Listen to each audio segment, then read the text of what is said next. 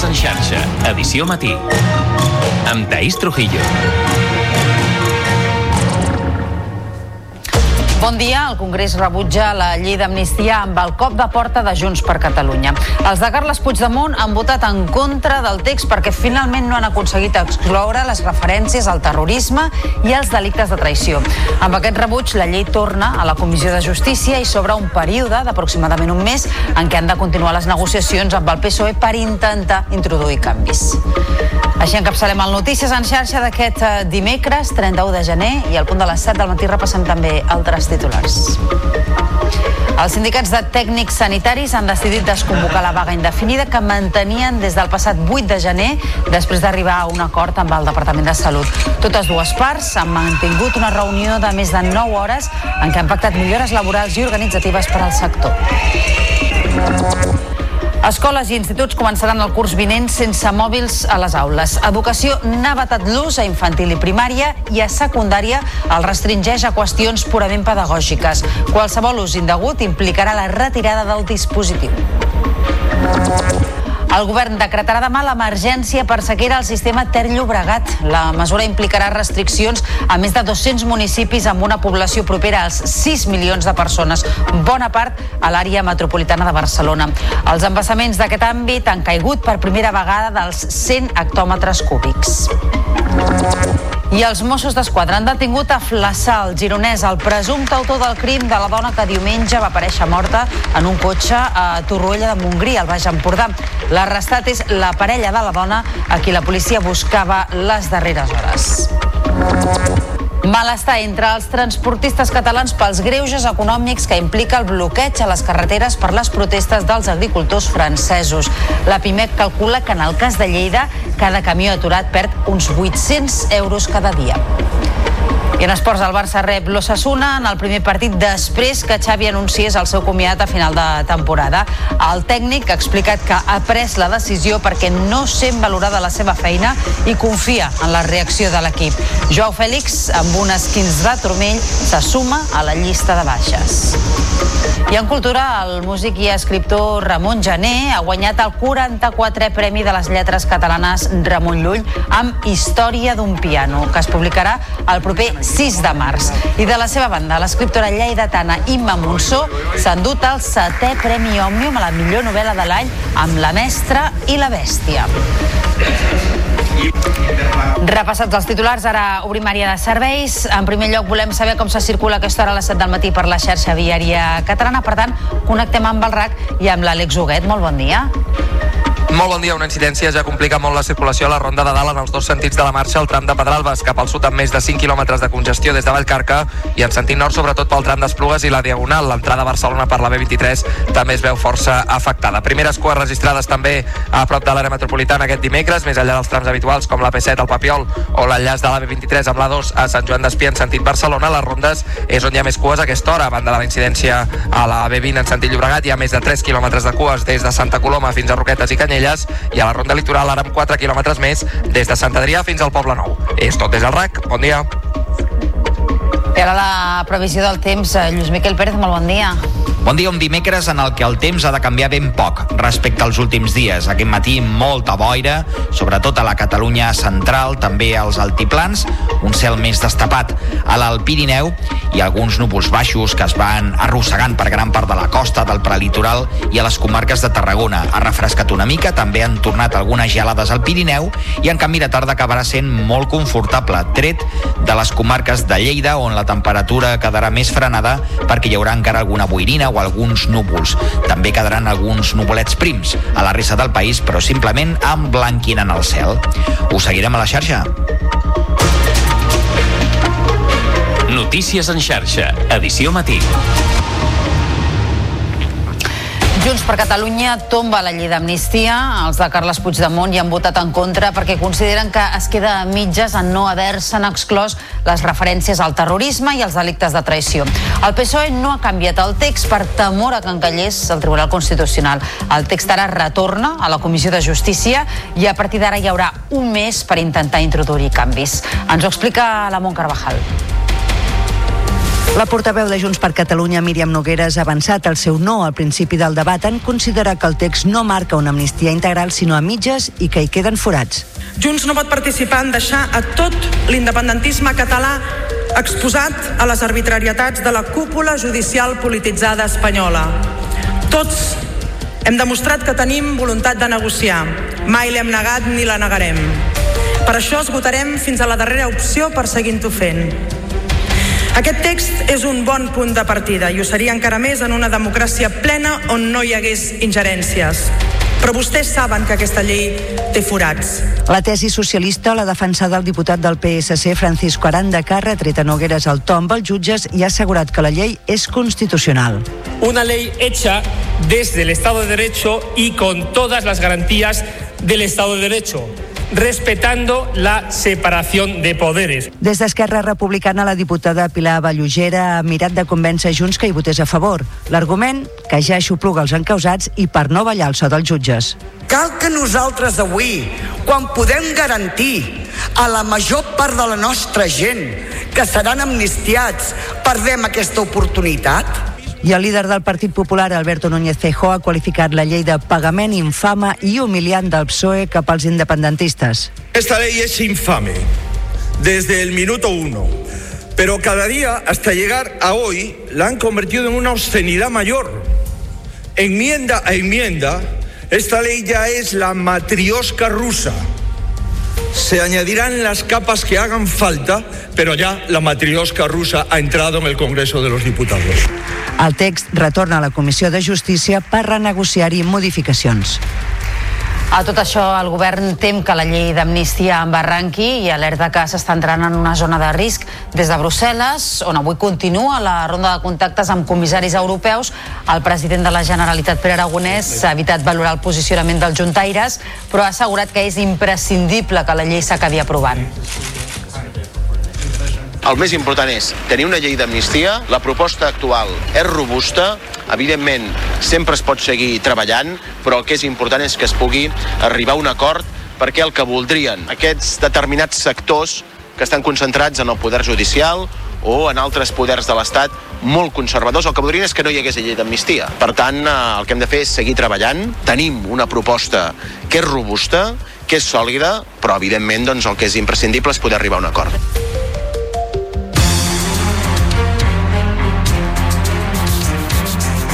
Passant ara 7 minuts de les 7 del matí, Educació vet el mòbil a infantil i primària i el restringeix a l'ESO. Escoles i instituts començaran el curs vinent sense mòbil. I no només a classe. Amb les noves instruccions d'educació, els alumnes deixaran de fer servir el telèfon personal al pati o al menjador. Ens ho explica l'Anna Ruiz. És almenys la pretensió consensuada de la comunitat educativa que ha instat el rebuig a l'ús del mòbil a escoles i instituts a través de les instruccions assumides ara per la Conselleria d'Educació. Anna Simó ho deixava clar. Tot plegat és fruit del diàleg dins la comunitat educativa i no pas una decisió unilateral. El que no volia fer com a consellera és prendre una decisió sense escoltar la comunitat educativa, perquè és a partir del debat intern que podem, que podem avançar perquè si no posaríem un pagat en, en els centres perquè la societat i les famílies hem de ser conscients de la responsabilitat que tenim A infantil i primària el mòbil estarà vetat a qualsevol espai de l'escola o moment del dia. Estarà prohibit a classe, al pati, al menjador i fins i tot a les activitats extraescolars. El mateix passarà als instituts. Els alumnes de secundària el mantindran apagat tret que el docent decideixi fer-ne ús de manera puntual i excepcional. Escoles i instituts adaptaran les noves instruccions d'educació als seus projectes i reglaments interns abans d'activar la prohibició dels mòbils a classe el curs vinent. En cas que un centre educatiu vulgui ampliar l'ús pedagògic del mòbil, haurà de demanar autorització expressa a l'administració educativa. I els mateixos eh, joves acullen bé la limitació dels mòbils i esperen que els sigui d'ajut. BOTV ha sortit al carrer a recollir la seva opinió. Hi ha molta addicció per part dels nens amb el mòbil. Ho dic per, per la meva pròpia experiència perquè, bueno, Jo em passo bastantes hores amb el mòbil i crec que serà important que a les aules eh, es prohibeixi l'ús d'aquest. És una mesura que ha estat molt bé, ja que l'addicció en el mòbil ha, ha, ha anat augmentant molt entre els adolescents i els més petits. Penso que els telèfons mòbils ens poden ajudar moltes coses, però sense cap mena de restricció al final et distreu.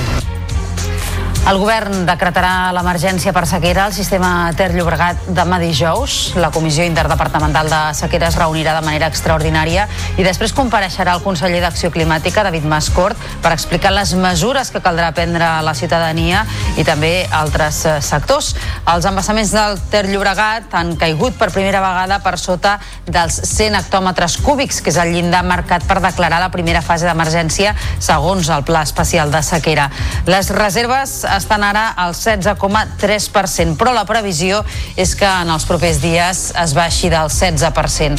La mesura afectarà a més de 200 municipis, entre els quals els de l'àrea metropolitana de Barcelona, a més de Girona, i que afecti aquestes restriccions a uns 6 milions de persones. Patricia Plaja és la portava del govern dijous reunió extraordinària de la Comissió Interdepartamental de, de Sequera i amb molta probabilitat, ara sí, l'entrada en emergència serà una realitat els propers dies amb totes les variables i restriccions i mesures que això comporta. Quan això passi, tal i com s'ha vingut fent, els darrers mesos es donaran instruccions clares, instruccions concises de manera continuada i per tots els canals oficials sobre el que això comporta pel conjunt de la població, però també pels diferents àmbits i ara us parlem del Baix Llobregat perquè a Sant Vicenç dels Horts s'han posat fil a l'agulla, conscients que són un dels municipis amb una de les despeses d'aigua més elevades de Catalunya.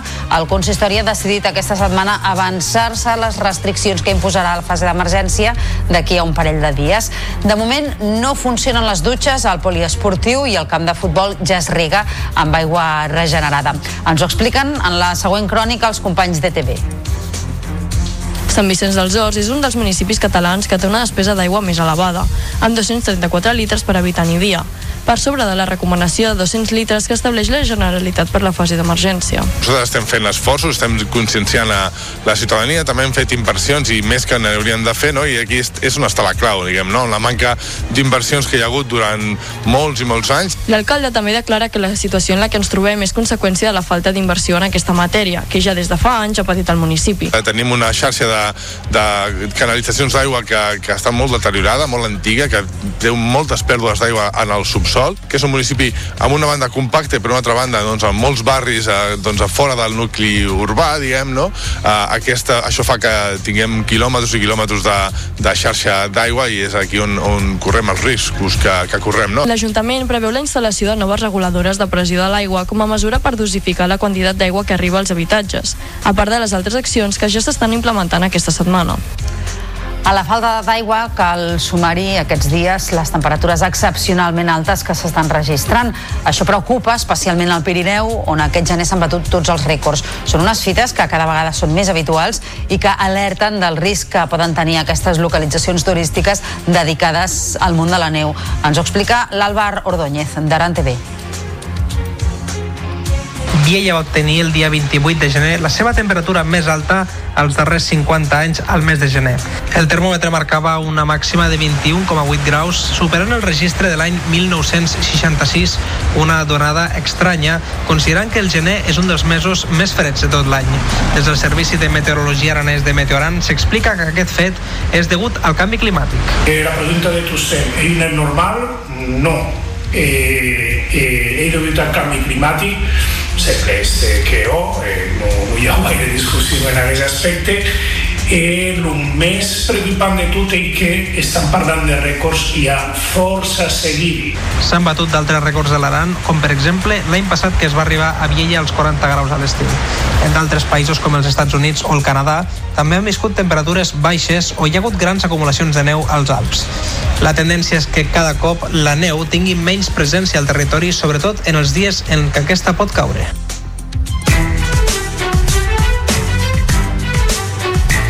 Pràcticament un quart de vuit del matí, els sindicats de tècnics sanitaris han decidit desconvocar la vaga indefinida que mantenien des del passat 8 de gener després d'arribar a un acord amb el Departament de Salut.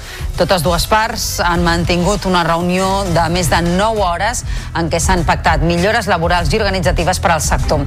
El departament s'ha compromès a dur la reivindicació de les reclassificacions de les categories funcionarials a la reunió que mantindrà divendres amb el Ministeri de Sanitat, una reclassificació que, en cas de ser acceptada pel Ministeri, hauria d'anar acompanyada de la memòria econòmica per poder assumir els increments salarials associats.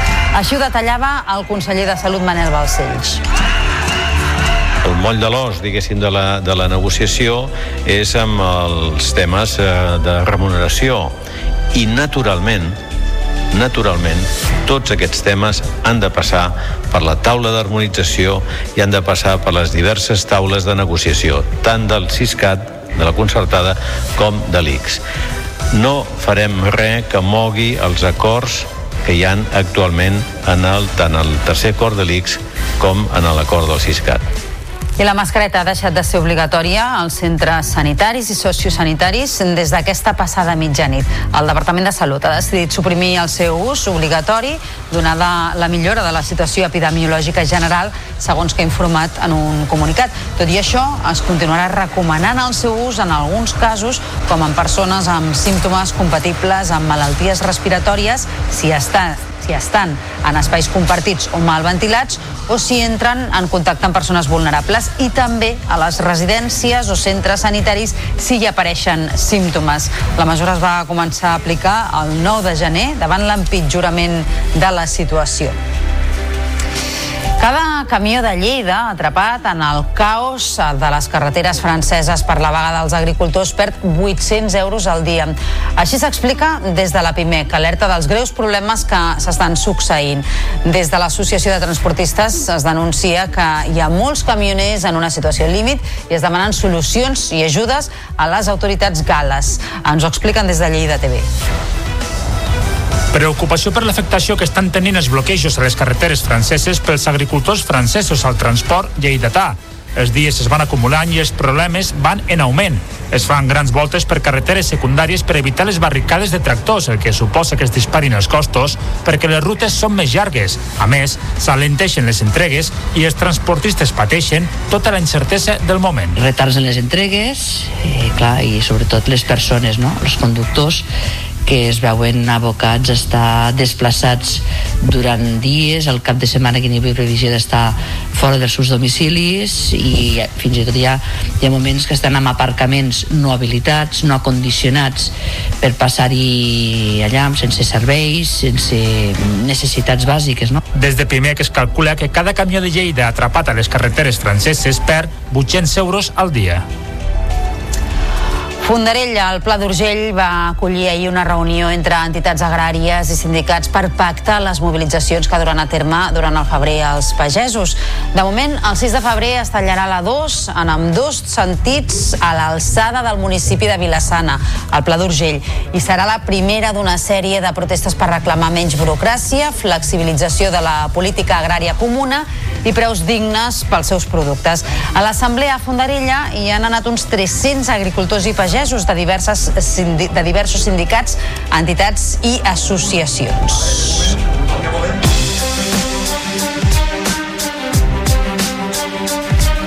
Els Mossos d'Esquadra han detingut a Flaçà, el gironès, el presumpte autor del crim que, de, de la dona que diumenge va aparèixer morta en un cotxe a Torroella de Montgrí, al Baix Empordà. L'arrestat és la parella de la dona i la policia el buscava en les darreres hores. La policia va trobar el cos d'aquesta dona a dins d'un cotxe que li havia deixat un amic ja que el seu estava espatllat. Aquest dilluns l'Ajuntament de la localitat Baix Empordanesa va convocar un minut de silenci en el qual hi va assistir l'entorn de la víctima que assegurava que el sospitós va demanar a uns amics que el portessin amb cotxe a una altra localitat. I els Mossos d'Esquadra han trobat més de 8.000 artefactes explosius des de l'any 2012 relacionats amb conflictes bèl·lics. Ara la policia catalana ha dissenyat un mapa per consultar totes les troballes amb el compromís de recuperar i preservar la memòria històrica. En el mapa es pot consultar la zona on s'han trobat els diferents explosius i el tipus de material. Ens ho explica el David Benito. Catalunya ha estat l'escenari de diferents conflictes bèl·lics com la Guerra Civil. A hores d'ara encara es troben diferents artefactes explosius d'aquestes guerres que en el seu dia no van explotar. Trobar-les i evitar que causin danys actualment és una de les feines dels TEDx, dels Mossos d'Esquadra. La policia catalana ha trobat fins ara més de 8.000 explosius en diferents territoris. Ara han creat un mapa interactiu amb l'objectiu de posar en valor la memòria històrica. Gustavo Aparici és membre dels TEDx dels Mossos d'Esquadra. La intenció del cos de Mossos d'Esquadra de fer un, una feina més enllà de lo que seria purament equipament policial i estem fent una recollida de dades eh, localitzant-les eh, en el territori perquè pugui passar a la posteritat, perquè els historiadors, les universitats, puguin tenir accés a aquesta informació que d'altra manera s'acabaria perdent. De fet, aquesta unitat ha trobat aquest gener 12 granades de mà a Castellbisbal, 85 anys després de l'entrada de les tropes franquistes al municipi. El riu Ebre també ha estat un punt calent de troballes, amb més de 400 artefactes llançats per l'aviació alemanya i italiana. A les preses a la Garrotxa es van recuperar 74 bombes d'aviacions catalanes i republicanes. La Diputació de Tarragona traslladarà uns 300 treballadors i treballadores a l'antic edifici de Caixa Tarragona l'any 2027 a la plaça Imperial Tàrraco de la capital tarragonina i unificarà la seu corporativa amb l'operativa i l'actual edifici del Passeig de Sant Antoni només quedarà per a l'activitat institucional. L'operació rondarà els 10 milions d'euros. Ens ho expliquen els companys de TAC12. Abans de l'estiu es farà efectiva la compra de l'edifici que acollia les oficines de Caixa Tarragona per 4 milions i mig d'euros.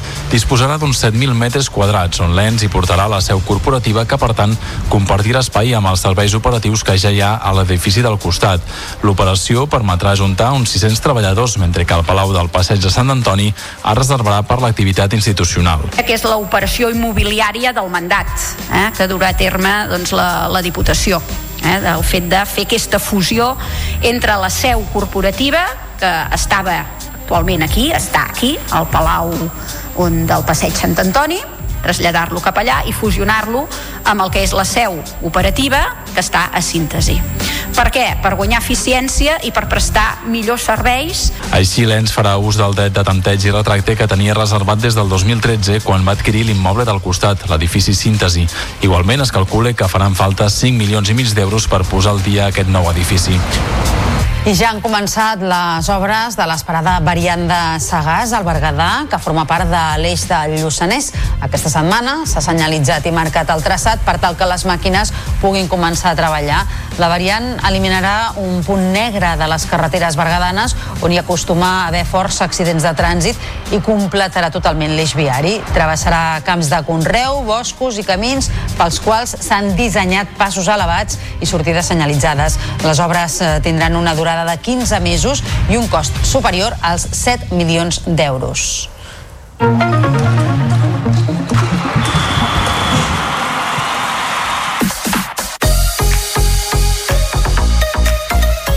Barça rep l'Ossassuna a les 7 en partit pendent de la jornada 20 de Lliga, jornat per la disputa de la Supercopa. Serà la primera cita després que Xavi anunciés el seu comiat a final de temporada. En la prèvia del duel, el tècnic ha explicat que ha pres la decisió pel desgast de no sentir valorada la seva feina, tot i que matisa que sí que ha tingut el suport del club i del vestidor. Joao Fèlix, amb un esquins al turmell, se suma a la llista de baixes per rebre els navarresos. Els blaugrana buscaran la reacció després de les desfetes a la Copa i davant el Villarreal. Tenim encara dos títols en joc, evidentment la situació és difícil, molt difícil, de contrarrestar aquests 10 punts, 11 que tenim encara amb el Girona amb un partit menys, molt difícil, però bé, tenim la Champions, que es fa, ens fa especial il·lusió. Vull que aquests quatre mesos siguin els, els millors, els millors, que ens hi deixarem la pell. Jo el primer, però sobretot ells, que són els futbolistes. No es valora prou la, la nostra feina. Crec que vam venir aquí en el moment, en un dels moments més difícils de la història del, del club i la decisió passa per aquí. El Barça tancarà la fase de grups de la Champions femenina aquesta nit a les 9 a camp del Benfica. Amb l'accés als quarts de final com a primeres de grup garantit, les blaugrana buscaran mantenir el ple de triomfs. Jonathan Giraldez no comptarà amb Paredes per un procés víric ni amb Oshoala, que gestiona la seva sortida del club. Per altra banda, Alexia i Rolfo, que encara no entren a la llista, ja encara en la fase final dels processos de recuperació. I Ricky Rubio ja entrena amb el Barça, el base del Masnou, que ha demanat exercitar-se amb el club per recuperar sensacions després de mesos aturat, va fer la primera sessió al Palau a les ordres de Roger Grimau. De moment, Ricky només participarà dels entrenaments, tot i que el club estaria meditant inscriure'l a l'Eurolliga en els propers dies per poder-ne disposar en cas que decideixi tornar a competir. El tècnic blaugrana valora l'arribada del Masnovit feliç com a, com a persona, parlo ja no, no només com a com a institució, com a club, que també crec que hem d'estar molt, molt feliços que ell hagi triat el nostre club com a part del seu procés de recuperació i a partir d'aquí doncs eh, tots ens ajudem nosaltres amb ell, ell amb nosaltres i, i ja, ja seguir amb normalitat L'equip té avui un partit clau a l'Eurolliga, rep a dos quarts de nou la Virtus de Bologna, amb qui té igualat el balanç de 15 victòries i 8 derrotes, tot i que els blaugrana ocupen la segona plaça pel bàsquet average general. En el partit a la pista italiana, la Virtus es va imposar de 5 punts. I el Joventut va encaixar una derrota per 85 a 91 davant la Poel de Tel Aviv en partit d'Eurocup. Els vertinegres que van fer un mal partit jugaran la quarta plaça dimecres vinent a la pista del Prometei. El tècnic Carles Duran analitzava la derrota parlant de la feblesa competitiva. Sobretot el nostre inici eh, molt, molt tubet, no? no jo crec que ells han jugat un partit molt sèrio, molt sabent de la importància del partit i nosaltres doncs tot el contrari, no? En general la nostra feblesa competitiva jo crec que ha sigut eh, la clau de moltes de les coses que, que ens han passat durant quasi 32 minuts.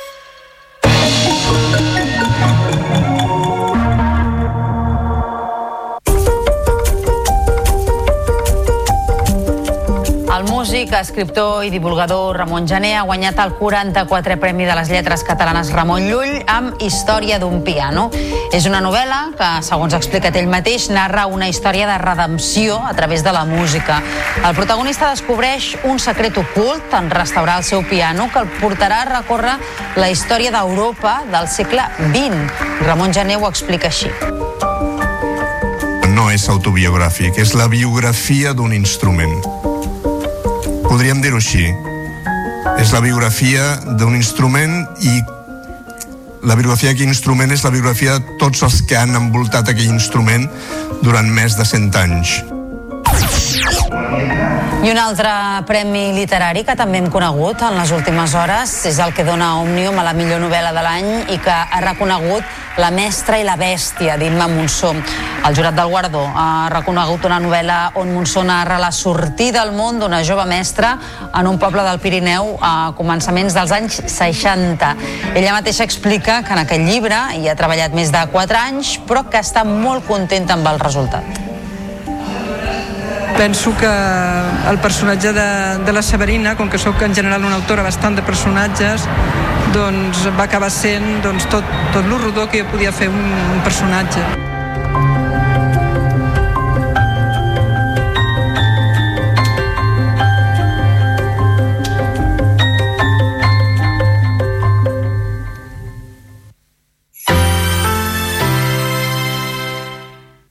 La xarxa de comunicació local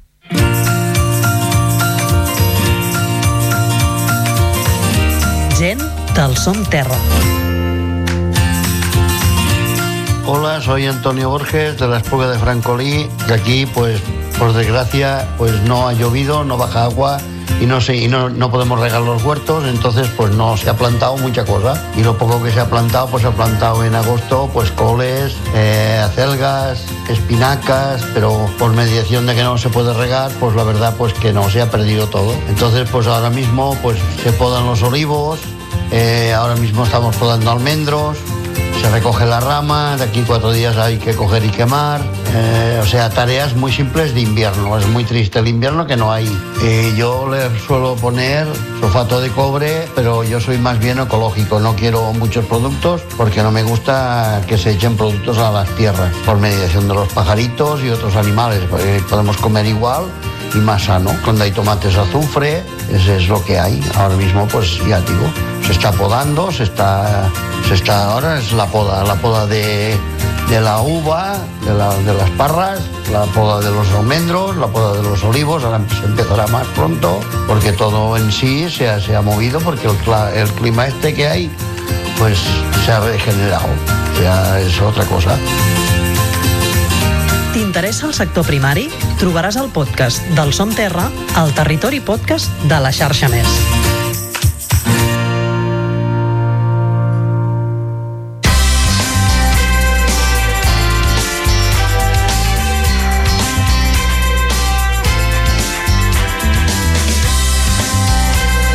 La xarxa de comunicació local.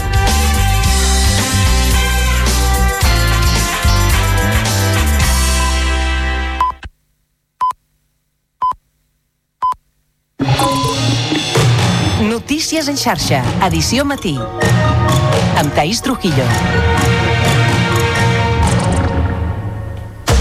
Bon dia, són dos quarts de vuit del matí i avui encapçalem el Notícies en xarxa amb el cop de porta de Junts per Catalunya a la llei d'amnistia. Els de Carles Puigdemont han votat en contra del text del Congrés perquè finalment no han aconseguit excloure les referències al terrorisme i als delictes de traïció.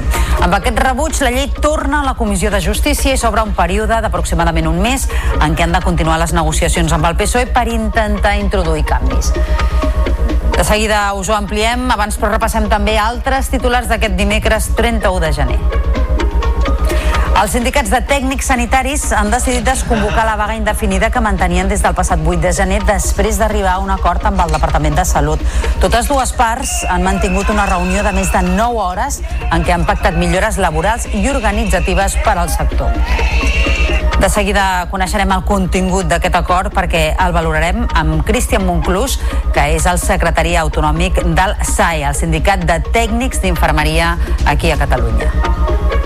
Escoles i instituts començaran el curs vinent sense mòbils a les aules. Educació n'ha vetat l'ús a infantil i primària i a secundària el restringeix a qüestions purament pedagògiques. Qualsevol ús indegut implicarà la retirada del dispositiu. El govern decretarà demà l'emergència per sequera al sistema Ter Llobregat. La mesura implica restriccions a més de 200 municipis amb una població propera als 6 milions de persones, bona part a l'àrea metropolitana de Barcelona. Els embassaments d'aquest àmbit han caigut per primera vegada dels 100 hectòmetres cúbics. Malestar entre els transportistes catalans pels greuges econòmics que implica el bloqueig a les carreteres per les protestes dels agricultors francesos. La PIMEC calcula que en el cas de Lleida cada camió aturat perd uns 800 euros cada dia. En uns minuts us ho ampliarem perquè parlarem amb Eduard Allac, que és president de l'Associació de Transportistes de Girona i també president de la Confederació de Transport per Carretera a Catalunya. I en esports, el Barça rep l'Ossassuna en el primer partit després que Xavi anunciés el seu comiat a final de temporada. El tècnic ha explicat que ha pres la decisió perquè no sent valorada la seva feina i confia en la reacció de l'equip. Joao Fèlix, amb un esquins de turmell, se suma a la llista de baixes. I en cultura, el músic i escriptor Ramon Jané ha guanyat el 44è Premi de les Lletres Catalanes Ramon Llull amb Història d'un piano, que es publicarà el proper 6 de març. I de la seva banda, l'escriptora lleidatana Imma Monzó s'ha endut el setè Premi Òmnium a la millor novel·la de l'any amb La mestra i la bèstia. I ara obrim plana de serveis amb el trànsit. Segons el RAC, un accident a la Ronda de Dalt de Barcelona, prop de les Plugues de Llobregat, en sentit Trinitat, provoca cues quilomètriques en els dos sentits de la marxa. Per tant, molta paciència. L'accident afecta també l'accés des de la B23, amb més congestió al tram de Sant Just, a la Ronda Litoral i a la congestió habitual en sentit sud i a la resta de la xarxa i a les retencions habituals. A la C58 en sentit sud des de Montcada cap a Sabadell, al tram de Ripollet i a la 2 des de Pallejà en sentit est. I ara la previsió del temps. Avui és l'últim dia de gener i continua l'anticicló. Hi haurà boira a gran part de la costa i a comarques de Tarragona. I tot i que ha refrescat una mica, les temperatures acabaran sent suaus pròpies d'un mes de març. Notícies en xarxa, edició matí. Junts per Catalunya tomba la llei d'amnistia. Els de Carles Puigdemont hi han votat en contra perquè consideren que es queda a mitges en no haver-se'n exclòs les referències al terrorisme i als delictes de traïció. El PSOE no ha canviat el text per temor a que encallés el Tribunal Constitucional. Aquest text, doncs, retorna ara a la Comissió de Justícia i a partir d'aquest moment hi haurà un mes per intentar introduir-hi canvis. Ens ho explica la Mont Carvajal. La portaveu de Junts per Catalunya, Míriam Nogueres, ha avançat el seu no al principi del debat en considerar que el text no marca una amnistia integral sinó a mitges i que hi queden forats. Junts no pot participar en deixar a tot l'independentisme català exposat a les arbitrarietats de la cúpula judicial polititzada espanyola. Tots hem demostrat que tenim voluntat de negociar. Mai l'hem negat ni la negarem. Per això esgotarem fins a la darrera opció per seguint-ho fent. Aquest text és un bon punt de partida i ho seria encara més en una democràcia plena on no hi hagués ingerències. Però vostès saben que aquesta llei té forats. La tesi socialista l'ha defensada el diputat del PSC Francisco Aranda, que ha retret a Nogueres el to amb els jutges i ha assegurat que la llei és constitucional. Una ley hecha desde el Estado de Derecho y con todas las garantías del Estado de Derecho respetando la separación de poderes. Des d'Esquerra Republicana, la diputada Pilar Vallugera ha mirat de convèncer Junts que hi votés a favor. L'argument, que ja aixopluga els encausats i per no ballar el so dels jutges. Cal que nosaltres avui, quan podem garantir a la major part de la nostra gent que seran amnistiats, perdem aquesta oportunitat? I el líder del Partit Popular, Alberto Núñez Feijóo, ha qualificat la llei de pagament infama i humiliant del PSOE cap als independentistes. Esta ley es infame desde el minuto uno, pero cada día hasta llegar a hoy la han convertido en una obscenidad mayor. Enmienda a enmienda, esta ley ya es la matriosca rusa. Se añadirán las capas que hagan falta, pero ya la matriosca rusa ha entrado en el Congreso de los Diputados. El text retorna a la Comissió de Justícia per renegociar-hi modificacions. A tot això, el govern tem que la llei d'amnistia embarranqui i alerta que s'està entrant en una zona de risc. Des de Brussel·les, on avui continua la ronda de contactes amb comissaris europeus, el president de la Generalitat, Pere Aragonès, ha evitat valorar el posicionament dels juntaires, però ha assegurat que és imprescindible que la llei s'acabi aprovant. El més important és tenir una llei d'amnistia, la proposta actual és robusta, evidentment sempre es pot seguir treballant, però el que és important és que es pugui arribar a un acord perquè el que voldrien aquests determinats sectors que estan concentrats en el poder judicial o en altres poders de l'Estat molt conservadors, el que voldrien és que no hi hagués llei d'amnistia. Per tant, eh, el que hem de fer és seguir treballant. Tenim una proposta que és robusta, que és sòlida, però evidentment doncs, el que és imprescindible és poder arribar a un acord.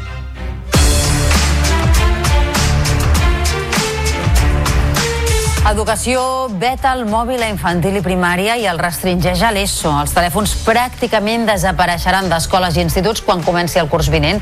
I no només a classe. Amb les noves instruccions d'educació, els alumnes deixaran de fer servir el telèfon personal al pati o al menjador. Tot plegat hauria de modificar la fotografia habitual de grups d'adolescents mirant cadascú la seva pantalla del mòbil durant el temps d'esbarjo a l'institut. Ens ho explica l'Anna Ruiz. És almenys la pretensió consensuada de la comunitat educativa que ha instat el rebuig a l'ús del mòbil a escoles i instituts a través de les instruccions assumides ara per la Conselleria d'Educació. Anna Simó ho deixava clar. Tot plegat és fruit del diàleg dins la comunitat educativa i no pas una decisió unilateral. El que no volia fer com a consellera és prendre una decisió sense escoltar la comunitat educativa, perquè és a partir del debat intern que podem, que podem avançar perquè si no posaríem un pagat en, en els centres perquè la societat i les famílies hem de ser conscients de la responsabilitat que tenim A infantil i primària el mòbil estarà vetat a qualsevol espai de l'escola o moment del dia. Estarà prohibit a classe, al pati, al menjador i fins i tot a les activitats extraescolars. El mateix passarà als instituts. Els alumnes de secundària el mantindran apagat tret que el docent decideixi fer-ne ús de manera puntual i excepcional. Escoles i instituts adaptaran les noves instruccions d'educació als seus projectes i reglaments interns abans d'activar la prohibició dels mòbils de classe el curs vinent. En cas que un centre educatiu vulgui ampliar l'ús pedagògic del mòbil, haurà de demanar autorització expressa a l'administració educativa. El govern decretarà l'emergència per sequera al sistema Ter Llobregat demà dijous. La Comissió Interdepartamental de Sequera es reunirà de manera extraordinària i després compareixerà el conseller d'Acció Climàtica, David Mascort, per explicar les mesures que caldrà prendre per part de la ciutadania i també de la resta de sectors. Els embassaments del Ter Llobregat han caigut per primera vegada per sota dels 100 hectòmetres cúbics, que és el llindar marcat per declarar la primera fase d'emergència segons el Pla Especial de Sequera. Les reserves estan estan ara al 16,3%, però la previsió és que en els propers dies es baixi del 16%. La mesura afectarà més de 200 municipis, entre els quals els de l'àrea metropolitana de Barcelona, a més de Girona, i afectarà uns 6 milions de persones.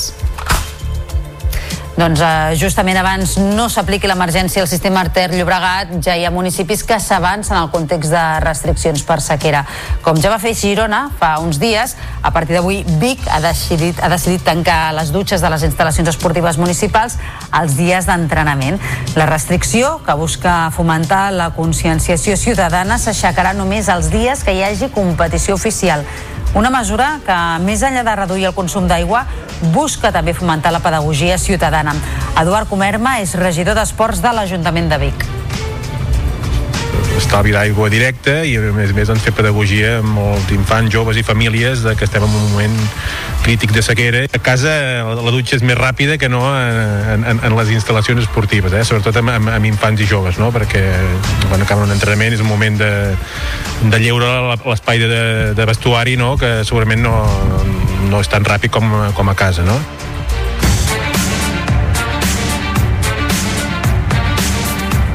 Passen ara 10 minuts de dos quarts de vuit del matí. Els sindicats de tècnics sanitaris han decidit desconvocar la vaga indefinida que mantenien des del passat 8 de gener després d'arribar a un acord amb el Departament de Salut. Totes dues parts han mantingut una reunió de més de 9 hores en què s'han pactat millores laborals i organitzatives per al sector. En volem parlar i les eh, volem valorar, aquestes millores, amb Cristian Monclús, que és el secretari autonòmic del Sindicat de Tècnics d'Infermeria de Catalunya. Cristian, molt bon dia. Hola, bon dia, què tal?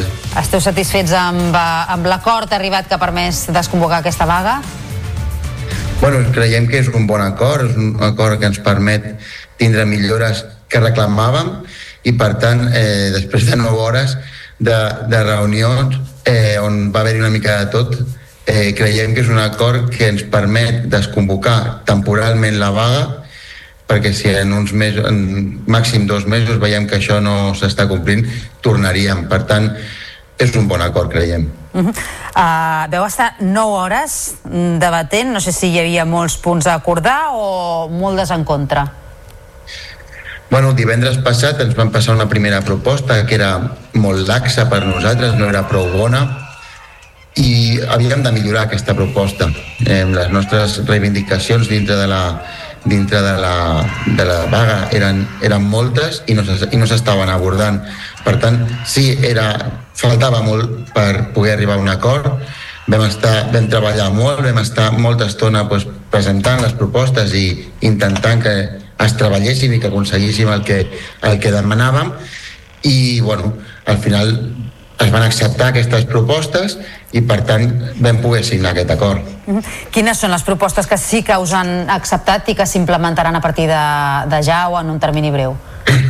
bueno, per nosaltres el més important era la part econòmica, ho havíem dit eh, ja tot, sempre ho havíem dit i aquesta part econòmica eh, surt reflectida. És dir, que hi ha un compromís per part del conseller aportar millores econòmiques pels tècnics superiors sanitaris i pels TECAIs i això era el més important que havíem de trobar i havíem d'aconseguir. A part, doncs hem aconseguit les millores organitzatives que, se'ns havia, que nosaltres havíem presentat, tant per tècnics superiors com per TECAIs, i llavors no hi havia cap motiu per dir que no en aquest acord. Són, hi ha millores organitzatives històriques com pels tècnics supersanitaris la deixar de prendre, per exemple, la direcció d'infermeria.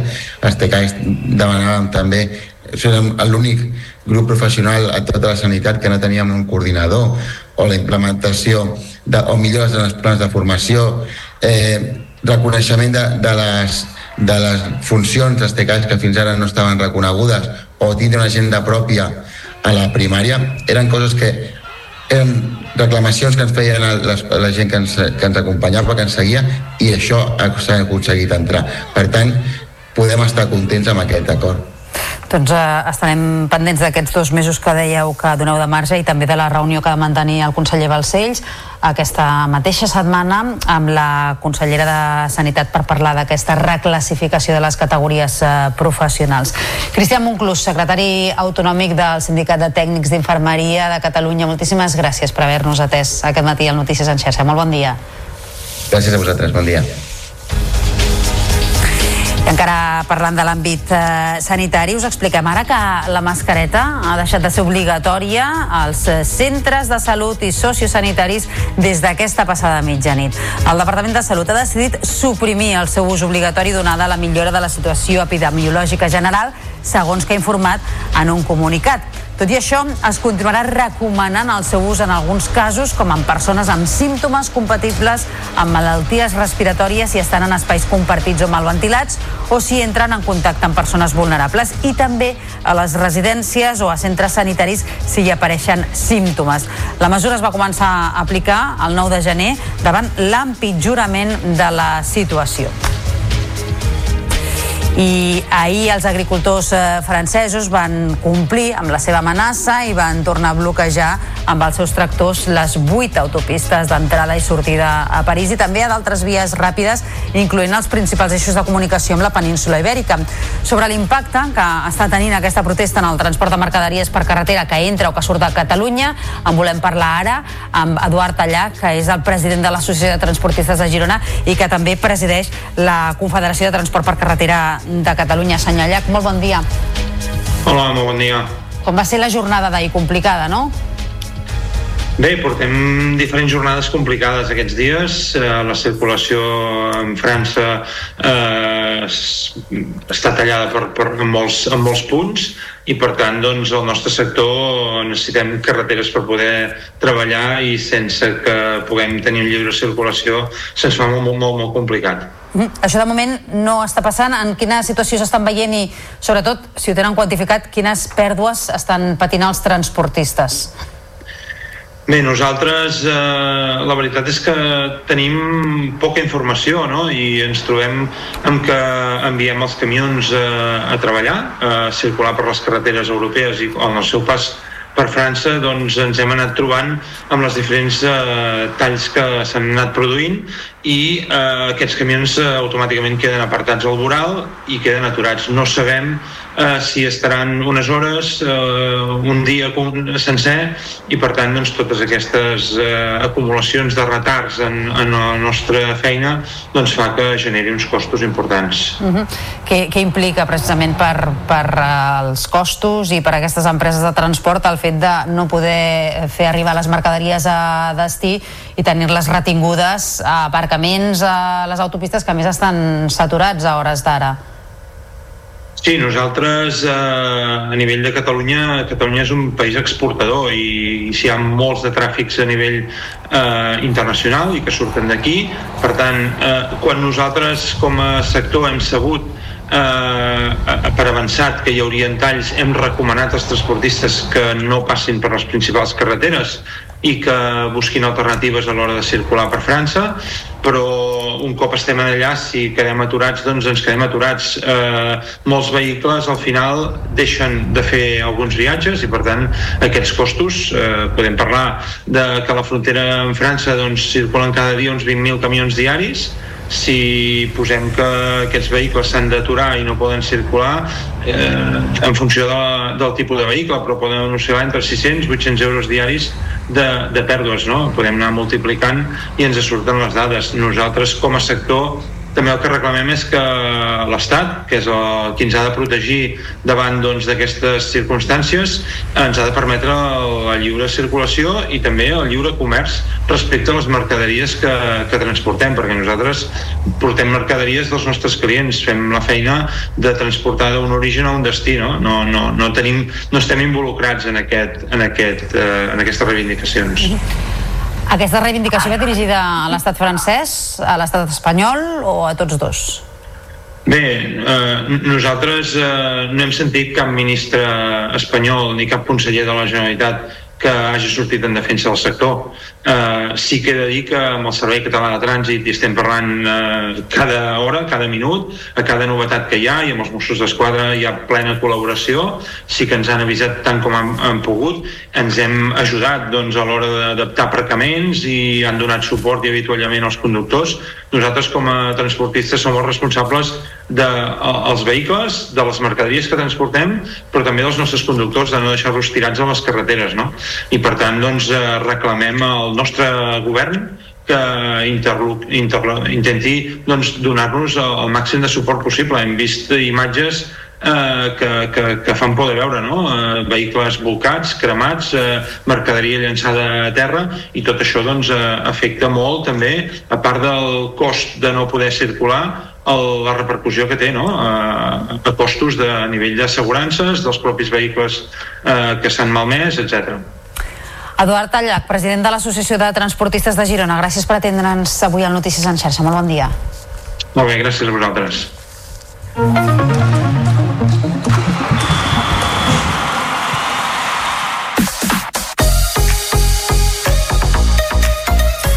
El Barça rep l'Ossassuna a les 7 en partit pendent de la jornada 20 de Lliga ajornat per la disputa de la Supercopa.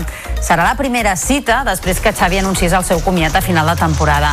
En la prèvia del duel, el tècnic ha explicat que ha pres la decisió pel desgast de no sentir valorada la seva feina, tot i que matisa que sí que ha tingut el suport del club i del vestidor. Joao Fèlix, amb un esquins al turmell, s'assuma a la llista de baixes per rebre els navarresos. Els blaugrana buscaran la reacció després de les desfetes a la Copa i davant el Villarreal.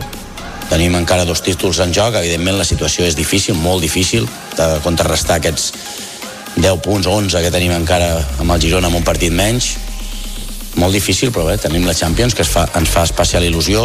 Vull que aquests quatre mesos siguin els, els millors, els millors, que ens hi deixarem la pell, jo el primer, però sobretot ells, que són els futbolistes. No es valora prou la, la nostra feina, crec que vam venir aquí en el moment, en un dels moments més difícils de la història del, del club i la decisió passa per aquí.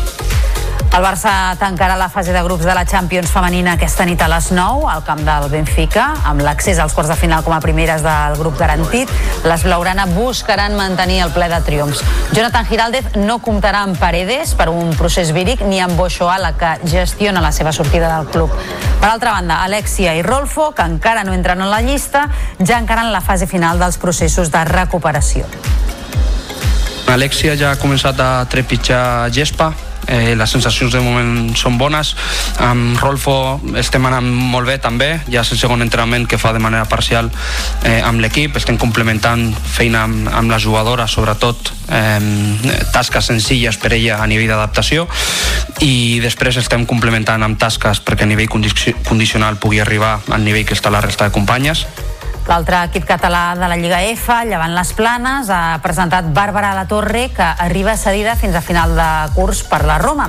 La davantera aragonesa, de 30 anys, té experiència a la màxima categoria espanyola, on ha passat per l'Espanyol, el Barça, la Reial Societat i l'Atlètic de Madrid. La futbolista arriba amb ganes de portar el seu bagatge.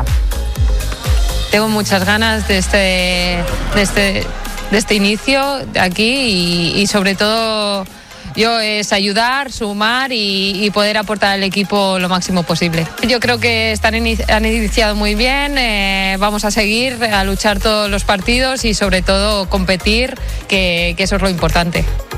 Ricky Rubio ja entrena amb el Barça, el base del Masnou, que ha demanat exercitar-se amb el club per recuperar sensacions després de mesos aturats, va fer la primera sessió al Palau a les ordres de Roger Grimau. De moment, Ricky només participarà dels entrenaments, tot i que el club estaria meditant inscriure a l'Eurolliga en els propers dies per poder-ne disposar en cas que decideixi tornar a competir. I l'equip té avui un partit clau a l'Eurolliga. Rep a dos quarts de nou la Virtus de Bologna, amb qui té igualat el balanç de 15 victòries i 8 derrotes, tot i que els blaugrana ocupen la segona plaça del bàsquet a veraix general. En el partit a la pista italiana, la Virtus es va imposar de 5 punts. Nicola Provitola destaca la importància del match. Tenemos que, que pensar en, eh, en lo que son cada uno de sus jugadores. Eh, el partido de Italia no, no lo pudimos rematar y, y nos salió muy caro. Eh, luego creo que hubo una, una seguidilla de, partidos malos que, nada, tenemos que, que ser conscientes ¿no? Eh, de, lo que significa esta victoria, eh, de intentar conseguir también el, el average. Creo que todo, todo es importante. El Joventut va encaixar una derrota per 85 a 91 davant la Poel de Tel Aviv en partit d'Eurocup. Els vertinegres, que van fer un mal partit, es jugaran la quarta plaça dimecres vinent a la pista del Prometei. El tècnic, Carles Duran, analitzava la derrota parlant de la feblesa competitiva. sobretot el nostre inici eh, molt, molt tubet no? no, jo crec que ells han jugat un partit molt sèrio, molt sabent de la importància del partit i nosaltres doncs tot el contrari, no? En general la nostra feblesa competitiva jo crec que ha sigut eh, la clau de moltes de les coses que, que ens han passat durant quasi 32 minuts. I Marc Gasol anunciarà aquesta tarda per on passa el seu futur. El president del bàsquet Girona ha convocat una roda de premsa als cinemes Texas on s'espera que faci oficial la seva retirada de les pistes, tot i que ha deixat obert l'anunci amb un vídeo publicat a les seves xarxes socials on es pregunta ara què? El de Sant Boi, que aquest curs no ha jugat cap minut amb l'equip gironí i s'ha quedat als despatxos, acumula una carrera d'èxits que inclou, entre d'altres, un anell de l'NBA, tres participacions a l'All-Star i dos mundials.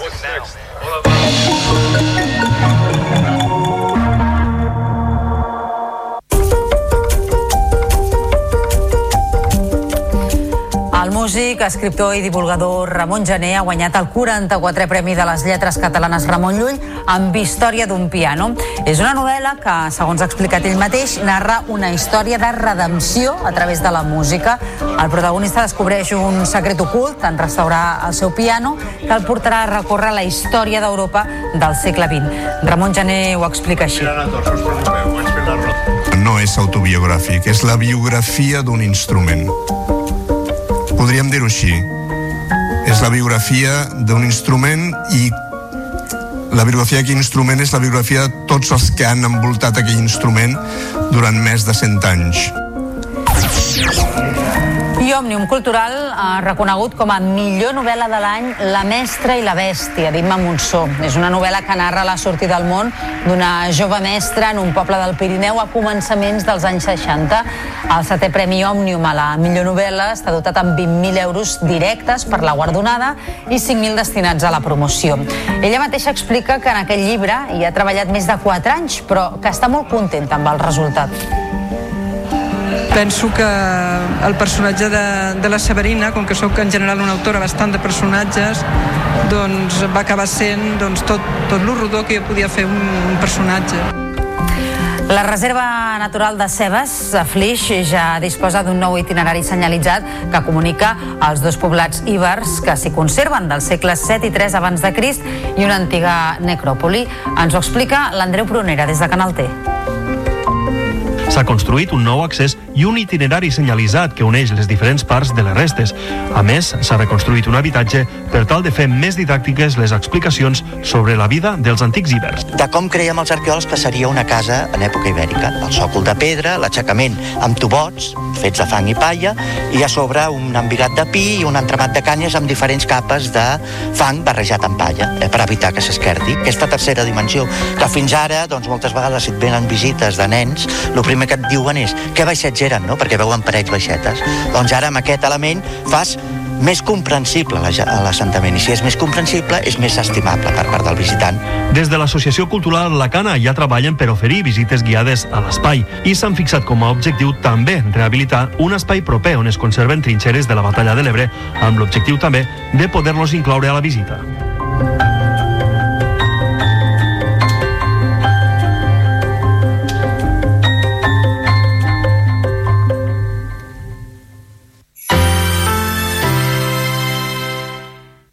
La xarxa de comunicació local. Propostes en xarxa. Si la Candelera plora, el fred és fora. Si la Candelera riu, el fred és viu. Segur que aquesta us la sabíeu, eh? I tampoc tinc cap dubte que teniu present que pels vols de la Candelera, a Molins de Rei, la fan ben grossa. Al Baix Llobregat ja ho tenen tot a punt per la 173a Fira de la Candelera de Molins de Rei, una cita ineludible del calendari festiu, declarada festa tradicional d'interès nacional. L'agricultura n'és el fil conductor, però també en formen part sectors tan diversos com la jardineria, l'alimentació, els vins, l'artesania o la maquinària. Però la Candelera va molt més enllà de la tradicional fira. Són tres dies, del 2 al 4 de febrer, farcits d'actes i propostes per a tothom. La gastronomia en protagonitza una bona part, però la cultura també n'és un pilar fonamental, des del pregó fins als concerts, passant pel teatre, els llibres o els castells. El refrany diu que si la candelera plora el fred és fora i si la candelera riu el fred és viu, però els molinencs i molinenques hi afegeixen. Tant si plora com si riu, a Molins de Rei veniu. Del 2 al 4 de febrer, 173a Fira de la Candelera de Molins de Rei. Tot allò que heu de saber sobre aquesta cita ho trobareu a www.candelera.cat.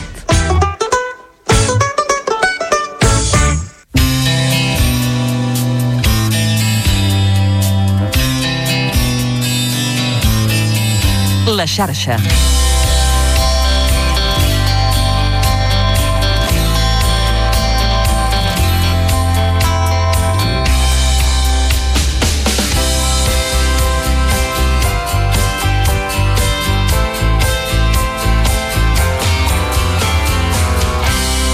Xarxa de comunicació local.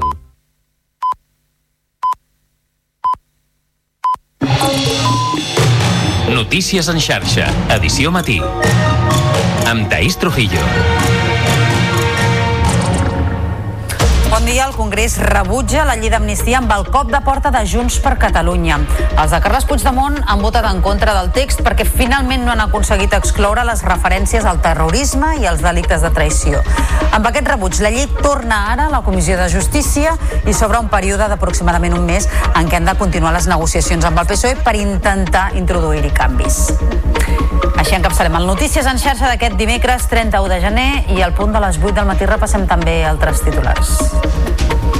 Els sindicats de tècnics sanitaris han decidit desconvocar la vaga indefinida que mantenien des del passat 8 de gener després d'arribar a un acord amb el Departament de Salut. Totes dues parts han mantingut una reunió de més de 9 hores en què han pactat millores laborals i organitzatives per al sector. Escoles i instituts començaran el curs vinent sense mòbils a les aules. Educació n'ha vetat l'ús a infantil i primària i a secundària el restringeix a qüestions purament pedagògiques. Qualsevol ús indegut implicarà la retirada del dispositiu. El govern decretarà demà l'emergència per sequera al sistema Ter Llobregat. La mesura implicarà restriccions a més de 200 municipis amb una població propera als 6 milions de persones, bona part a l'àrea metropolitana de Barcelona. Els embassaments d'aquest àmbit han caigut per primera vegada dels 100 hectòmetres cúbics. Malestar entre els transportistes catalans pels greuges econòmics que implica el bloqueig a les carreteres per les protestes dels agricultors francesos. La PIMEC calcula que en el cas de Lleida cada camió aturat perd uns 800 euros cada dia. En esports, el Barça rep l'Ossassuna en el primer partit després que Xavi anunciés el seu comiat a final de temporada. El tècnic ha explicat que ha pres la decisió perquè no sent valorada la seva feina i que confia en la reacció de l'equip. Joao Fèlix, amb unes 15 de turmell, se suma a la llista de baixes. I en cultura, el músic i escriptor Ramon Jané ha guanyat el 44è Premi de les Lletres Catalanes Ramon Llull amb Història d'un piano, que es publicarà el proper 6 de març. I de la seva banda, l'escriptora lleidatana Imma Monsó s'ha endut el setè Premi Òmnium a la millor novel·la de l'any amb La mestra i la bèstia. Un cop repassats els titulars, ara obrim àrea de serveis. Comencem pel trànsit, en connexió amb el Servei Català de Trànsit i amb la Marta Carbó. Molt bon dia. Hola, molt bon dia. Doncs a conseqüència d'un accident que hi ha hagut a la ronda d'Alt de Barcelona a l'alçada de la carretera d'Esplugues, hi havia un tallat d'àrea de serra obert, però hi ha molts problemes en aquesta zona. De fet, a la ronda hi ha cues en sentit contrari, en sentit Llobregat, des del nus de la Trinitat fins a aquest punt i també sector de retruc en sentit de Trinitat a la C32 amb cues eh, des de Cornellà Llobregat fins al punt de l'accident. A banda d'això, dels accessos del Baix Llobregat, destacar cues eh, importants a la B23 entre Molins de Rei i la Diagonal de Barcelona. També a la 2 veiem cues intermitents entre Pallejà i Sant Joan d'Espí en direcció a Barcelona i a l'altre extrem, a la C58, doncs aturades habituals a l'entrada a Barcelona de Montcada fins a l'Horta Trinitat i també de sortida a l'alçada de Ripollet. A l'autopista P7, cues de Barberà en sentit nord i també a la ronda litoral veiem aturades més o menys eh, habituals en sentit de Llobregat entre el Fòrum i la Barceloneta. De moment això és tot des Servei Català de Trànsit. Molt bon dia. I ara ens ocupem de la previsió meteorològica. Lluís Miquel Pérez, molt bon dia. Acabem el mes de gener sense canvi de temps a la vista. Així és, Taís, no hi ha manera que se'n vagi aquest anticicló, per tant no hi ha perspectives de pluja, sí d'aquesta situació fresca i sobretot humida, que ja a hores d'ara es tradueix una altra vegada en moltes boires. Avui, per exemple, se n'han format algunes al prelitoral, al sud de Girona, ben a prop de la ciutat de Girona, per exemple, tenim aquesta boira densa i se n'està formant de més extensa cap a les comarques planes de Lleida.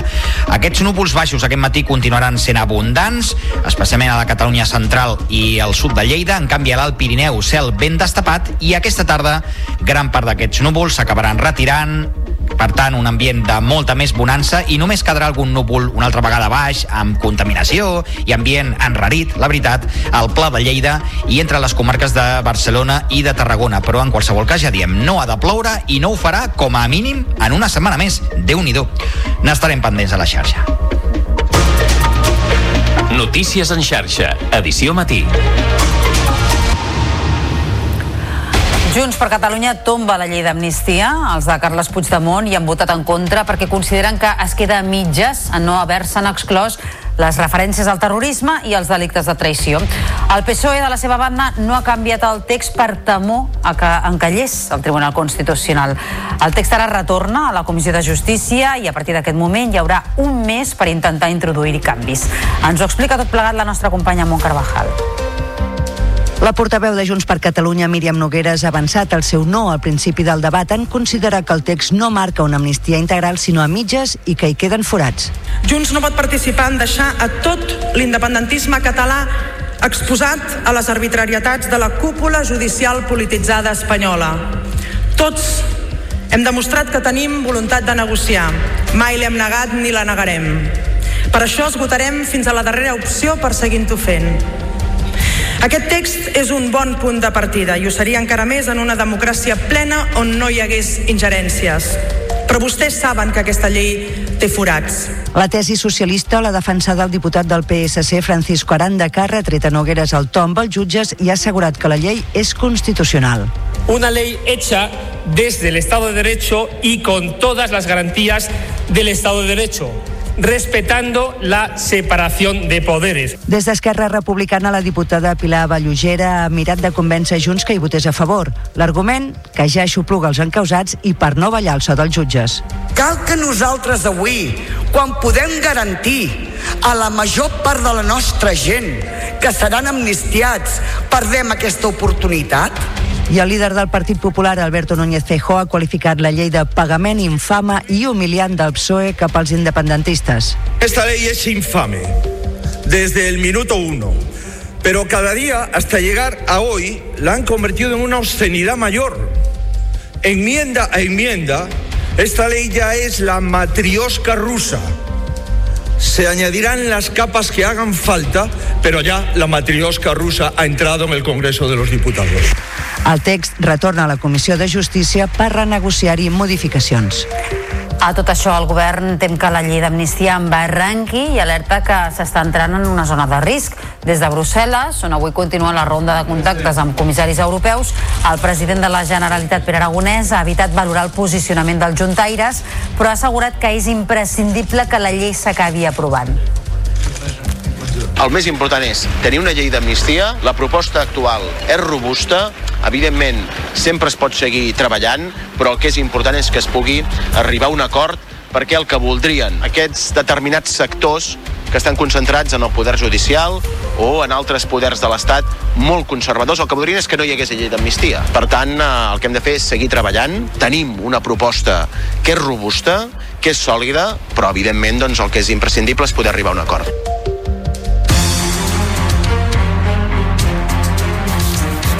8 i 7 minuts ara del matí. Educació beta, el mòbil, la infantil i primària i el restringeix a l'ESO. Els telèfons pràcticament desapareixeran d'escoles i instituts quan comenci el curs vinent i no només a classe. Amb les noves instruccions d'educació, els alumnes deixaran de fer servir el telèfon personal al pati i al menjador. Ens ho explica l'Anna Ruiz. És almenys la pretensió consensuada de la comunitat educativa que ha instat el rebuig a l'ús del mòbil a escoles i instituts a través de les instruccions assumides ara per la Conselleria d'Educació. Anna Simó ho deixava clar. Tot plegat és fruit del diàleg dins la comunitat educativa i no pas una decisió unilateral. El que no volia fer com a consellera és prendre una decisió sense escoltar la comunitat educativa, perquè és a partir del debat intern que podem, que podem avançar perquè si no posaríem un pagat en, en els centres. Perquè la societat i les famílies hem de ser conscients de la responsabilitat que tenim. A infantil i primària el mòbil estarà vetat a qualsevol espai de l'escola o moment del dia. Estarà prohibit a classe, al pati, al menjador i fins i tot a les activitats extraescolars. El mateix passarà als instituts. Els alumnes de secundària el mantindran apagat tret que el docent decideixi fer-ne ús de manera puntual i excepcional. Escoles i instituts adaptaran les noves instruccions d'educació als seus projectes i reglaments interns abans d'activar la prohibició dels mòbils de classe el curs vinent. En cas que un centre educatiu vulgui ampliar l'ús pedagògic del mòbil, haurà de demanar autorització expressa a l'administració educativa. Els mateixos joves acullen bé la limitació dels mòbils i esperen que els sigui d'ajut. BOTV ha sortit al carrer a recollir la seva opinió. Hi ha molta addicció per part dels nens amb el mòbil. Ho dic per, per la meva pròpia experiència perquè, bueno, jo em passo bastantes hores amb el mòbil i crec que serà important que a les aules eh, es prohibeixi l'ús d'aquests. És una mesura que ha estat molt bé, ja que l'addicció en el mòbil ha, ha, ha anat augmentant molt entre els adolescents i els més petits. Penso que els telèfons mòbils ens poden ajudar a moltes coses, però sense cap mena de restricció al final et distreu. El govern decretarà l'emergència per sequera al sistema Ter Llobregat demà dijous. La Comissió Interdepartamental de Sequera es reunirà de manera extraordinària i després compareixerà el conseller d'Acció Climàtica, David Mascort, per explicar les mesures que caldrà que prenguin els ciutadans i els diversos sectors. Els embassaments del Ter Llobregat han caigut per primera vegada per sota dels 100 hectòmetres cúbics, que és el llindar marcat per declarar la primera fase d'emergència segons el Pla Especial de Sequera. Les reserves estan ara al 16,3%, però la previsió és que en els propers dies es baixi del 16%. La mesura afectarà a més de 200 municipis, entre els quals els de l'àrea metropolitana de Barcelona, a més també de Girona, i uns 6 milions de persones dijous reunió extraordinària de la Comissió Interdepartamental de, de Sequera i amb molta probabilitat, ara sí, l'entrada en emergència serà una realitat els propers dies amb totes les variables, restriccions i mesures que això comporta. Quan això passi, tal i com s'ha vingut fent, els darrers mesos es donaran instruccions clares, instruccions concises de manera continuada i per tots els canals oficials sobre el que això comporta pel conjunt de la població, però també pels diferents àmbits a les portes de l'emergència per sequera, els municipis miren de gestionar l'aigua de la millor manera possible. Un exemple és el de Mollet, que extreu aigua de pous, com ara els de Garbí, per tal de distribuir-la a la xarxa. I ara l'Ajuntament vol recuperar també els pous de Can Borrell. Ens ho expliquen des de Vallès Visió. Ja fa anys que Mollet treballa per treure un màxim rendiment de l'aigua pròpia de la ciutat i ara centra encara més esforços donada la situació de sequera. Per això vol recuperar els pous de Can Borrell gràcies a una línia de subvencions que ha tret l'Agència Catalana de l'Aigua per fer front a aquesta situació. Encara està per determinar la quantitat d'aigua que podran extreure d'aquests pous. Actualment l'aportació que es fa des dels pous a la xarxa d'aigua potable significa el 20% i el repte és poder arribar fins al 30% recuperant els pous de Can Borrell. Recuperar aquesta aigua i poder-la utilitzar també o bé no, per, per consum d'aigua de boca o també per, per altres usos a la ciutat. Fem tota la neteja viària, fem també el rec de supervivència que per ara mateix ens està, ens està permès. El consum d'aigua de Mollet està en el mínim històric, 145 litres per habitant i dia. L'eficiència de la xarxa de distribució d'aigua de Mollet se situa en prop del 85%.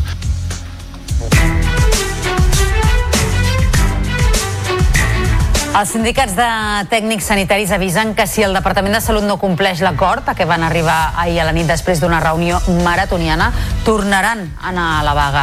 De moment han desconvocat l'aturada indefinida que mantenien des del 8 de gener perquè han aconseguit millores laborals, organitzatives i sobretot econòmiques. Les ha explicat fa només uns minuts al Notícies en xarxa Cristian Monclús, que és el secretari del Sindicat de Tècnics d'Infermeria a Catalunya i que ha admès que estan contents hi ha un compromís per part del conseller aportar millores econòmiques pels tècnics superiors sanitaris i pels TECAIs i això és el més important que havíem de trobar i havíem d'aconseguir. A part, doncs hem aconseguit les millores organitzatives que, se'ns havia, que nosaltres havíem presentat tant per tècnics superiors com per TECAIs i llavors no hi havia cap motiu per dir que no en aquest acord. La mascareta ha deixat de ser obligatòria als centres sanitaris i sociosanitaris des d'aquesta passada mitjanit. El Departament de Salut ha decidit suprimir el seu ús obligatori donada la millora de la situació epidemiològica general, segons que ha informat en un comunicat. Tot i això, es continuarà recomanant el seu ús en alguns casos, com en persones amb símptomes compatibles amb malalties respiratòries si estan en espais compartits o mal ventilats o si entren en contacte amb persones vulnerables i també a les residències o als centres sanitaris si hi apareixen símptomes. La mesura es va començar a aplicar el 9 de gener davant l'empitjorament de la situació. I ahir els agricultors francesos van complir la seva amenaça i van tornar a bloquejar amb els seus tractors les vuit autopistes d'entrada i sortida a París i també a d'altres vies ràpides, incloent els principals eixos de comunicació amb la península ibèrica. Eduard Allà, que és president de l'Associació de Transportistes de Girona i de la Confederació de Transport per Carretera de Catalunya, calcula per cada transportista unes pèrdues d'entre 600 i 800 euros diàries per a aquestes aturades vegades. A més, demana més implicació de les administracions. Ho ha dit fa pocs minuts aquí, al Notícies en xarxa. No hem sentit cap ministre espanyol ni cap conseller de la Generalitat que hagi sortit en defensa del sector. També el que reclamem és que l'Estat, que és el qui ens ha de protegir davant doncs, d'aquestes doncs, circumstàncies, ens ha de permetre la lliure circulació i també el lliure comerç respecte a les mercaderies que, que transportem, perquè nosaltres portem mercaderies dels nostres clients, fem la feina de transportar d'un origen a un destí, no? No, no, no, tenim, no estem involucrats en, aquest, en, aquest, eh, en aquestes reivindicacions. Fondarella, el Pla d'Urgell va acollir ahir una reunió entre entitats agràries i sindicats per pactar les mobilitzacions que duran a terme els pagesos durant el febrer. De moment, el 6 de febrer es tallarà la 2 en tots dos sentits a l'alçada del municipi de Vilassana i serà la primera d'una sèrie de protestes per reclamar menys burocràcia, flexibilitzacions des de la política agrària comuna i també preus dignes pels seus productes. A l'Assemblea Fondarella hi han anat uns 300 agricultors i pagesos pagesos de diversos sindicats, entitats i associacions. I en marxa ja des d'ahir el recinte de Fira Gran Via, una nova edició de l'ICE, que és el Saló de l'Audiovisual més gran del món. És la més gran de la seva història, amb 82.000 metres quadrats, que és un 30% més que l'any passat. Aquest creixement va acompanyat d'un major número d'expositors que presentaran fins divendres les seves novetats. Ho repassem en aquesta crònica de la televisió de l'Hospitalet. Al pavelló 3, les grans pantalles de les multinacionals competeixen en mida, qualitat de la imatge i, sobretot, en atreure mirades. La que ha presentat LG, per exemple, ha generat molta expectació pel seu moviment. La particularidad que tiene es que son pantallas que cada uno de los módulos tiene efecto 3D. Aparte del contenido de la imagen que mostramos con el propio OLED, pues las pantallas entran y salen y crean un efecto más en, en tres dimensiones. A pocs metres, un altre focus d'atracció de visitants són els projectors 4K de la companyia japonesa Epson. Són els més lleugers del mercat i cada vegada més demandats en el món educatiu. Aquests nous projectors 4K es poden aplicar, són la successió dels antics projectors que teníem, que es poden aplicar en grans sales immersives, en sales de gran format i en grans teatres que cada cop s'està introduint més. I per completar el triangle asiàtic, Samsung ha sorprès amb una pantalla transparent amb tecnologia microLED. El producte estrella, però, és aquesta porta d'entrada amb què Samsung ha donat la benvinguda. La pantalla amb els LEDs més petits del món que donen més definició i major contrast.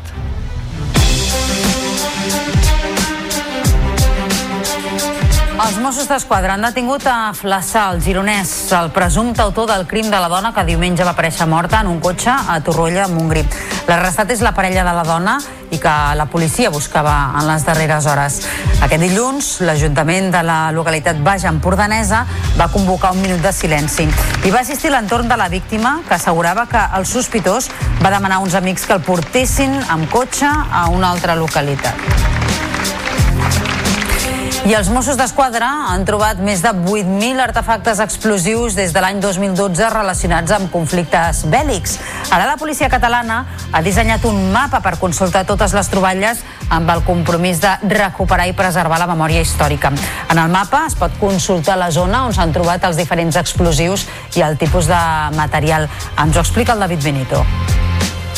Catalunya ha estat l'escenari de diferents conflictes bèl·lics com la Guerra Civil. A hores d'ara encara es troben diferents artefactes explosius d'aquestes guerres i en el seu dia no van explotar. Trobar-les i evitar que causin danys actualment és una de les feines dels TEDx, dels Mossos d'Esquadra. La policia catalana ha trobat fins ara més de 8.000 explosius en diferents territoris. Ara han creat un mapa interactiu amb l'objectiu de posar en valor la memòria històrica. Gustavo Aparici és membre dels TEDx dels Mossos d'Esquadra.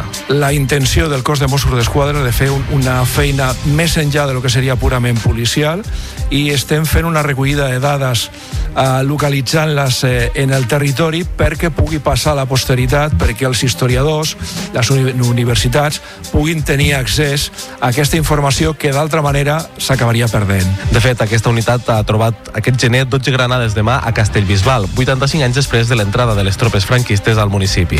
El riu Ebre també ha estat un punt calent de troballes, amb més de 400 artefactes llançats per l'aviació alemanya i italiana. A les preses a la Garrotxa es van recuperar 74 bombes d'aviacions catalanes i republicanes.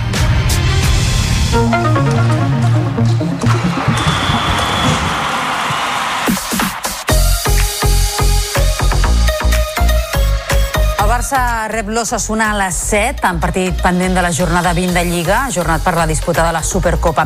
Serà la primera cita després que Xavi anunciés el seu comiat a final de temporada. En la prèvia del duel, el tècnic ha explicat que ha pres la decisió pel desgast de no sentir valorada la seva feina, tot i que matisa que sí que ha tingut el suport del club i del vestidor. Joao Fèlix, amb unes 15 al turmell, se suma a la llista de baixes per rebre els navarresos. Els blaugrana buscaran la reacció després de les desfetes a la Copa i davant el Villarreal. Tenim encara dos títols en joc, evidentment la situació és difícil, molt difícil, de contrarrestar aquests 10 punts, 11 que tenim encara amb el Girona amb un partit menys, molt difícil, però bé, tenim la Champions, que es fa, ens fa especial il·lusió. Vull que aquests quatre mesos siguin els, els millors, els millors, que ens hi deixarem la pell, jo el primer, però sobretot ells, que són els futbolistes. No es valora prou la, la nostra feina, crec que vam venir aquí en el moment, en un dels moments més difícils de la història del, del club i la decisió passa per aquí. El Barça tancarà la fase de grups de la Champions femenina aquesta nit a les 9 al camp del Benfica, amb l'accés als quarts de final com a primeres de grup garantit. Les blaugrana buscaran mantenir el ple de triomfs. Jonathan Giraldez no comptarà amb Paredes per un procés víric ni amb Boixoala, que gestiona la seva sortida del club. I per altra banda, Alexia i Rolfo, que encara no entren a la llista, ja encara en la fase final dels processos de recuperació. Alexia ja ha començat a trepitjar gespa, eh, les sensacions de moment són bones. Amb Rolfo estem anant molt bé també. Ja és el segon entrenament que fa de manera parcial eh, amb l'equip. Estem complementant feina amb, amb la jugadora sobretot eh, tasques senzilles per ella a nivell d'adaptació. I després estem complementant amb tasques perquè a nivell condicional pugui arribar al nivell que està la resta de companyes L'altre equip català de la Lliga F, llevant les planes, ha presentat Bàrbara de Torre, que arriba cedida fins a final de curs per la Roma. La davantera aragonesa, de 30 anys, té experiència a la màxima categoria espanyola, on ha passat per l'Espanyol, el Barça, la Reial Societat i també l'Atlètic de Madrid. I Ricky Rubio ja entrena amb el Barça, el base del Masnou, que ha demanat exercitar-se amb el club per recuperar sensacions després de mesos aturat, va fer la primera sessió al Palau a les ordres de Roger Grimau. De moment, Ricky només participarà dels entrenaments, tot i que el club estaria meditant inscriure a l'Eurolliga en els propers dies per poder-ne disposar en cas que decideixi tornar a competir. El tècnic blaugrana valora l'arribada del Basnoví feliç com a, com a persona, et parlo ja no, no només com a institució, com a club, que també crec que hem d'estar molt, molt feliços que hi hagi triat el nostre club com a part del seu procés de recuperació i a partir d'aquí doncs eh, tots ens ajudem nosaltres amb ell, ell amb nosaltres i, i res, ja, ja seguir amb normalitat L'equip té avui un partit clau a l'Eurolliga. Rep a dos quarts de nou la Virtus de Bologna, amb qui té igualat el balanç de 15 victòries i 8 derrotes, tot i que els Blaurana ocupen la segona plaça pel bàsquet a veraix general. En el partit de la pista italiana, la Virtus es va imposar de 5 punts. Nicola Provitola destaca la importància del maig. Tenemos que, que pensar en, eh, en lo que son cada uno de sus jugadores. Eh, el partido de Italia no, no lo pudimos rematar y, y nos salió muy caro. Eh, luego creo que hubo una, una seguidilla de, partidos malos que, nada, tenemos que, que, ser conscientes ¿no? Eh, de, de, lo que significa esta victoria, eh, de intentar conseguir también el, el average. Creo que todo, todo, todo es importante. I el Joventut va encaixar una derrota per 85 a 91 davant la Poel de Tel Aviv en partit d'Eurocup. Els vertinegres, que van fer un mal partit, es jugaran la quarta plaça dimecres vinent a la pista del Prometei. El tècnic Carles Duran analitzava la derrota parlant de feblesa competitiva. Sobretot el nostre inici, eh, molt, molt tubet, no? no jo crec que ells han jugat un partit molt sèrio, molt sabent de la importància del partit i nosaltres doncs tot el contrari, no? En general la nostra feblesa competitiva jo crec que ha sigut eh, la clau de moltes de les coses que, que ens han passat durant quasi 32 minuts.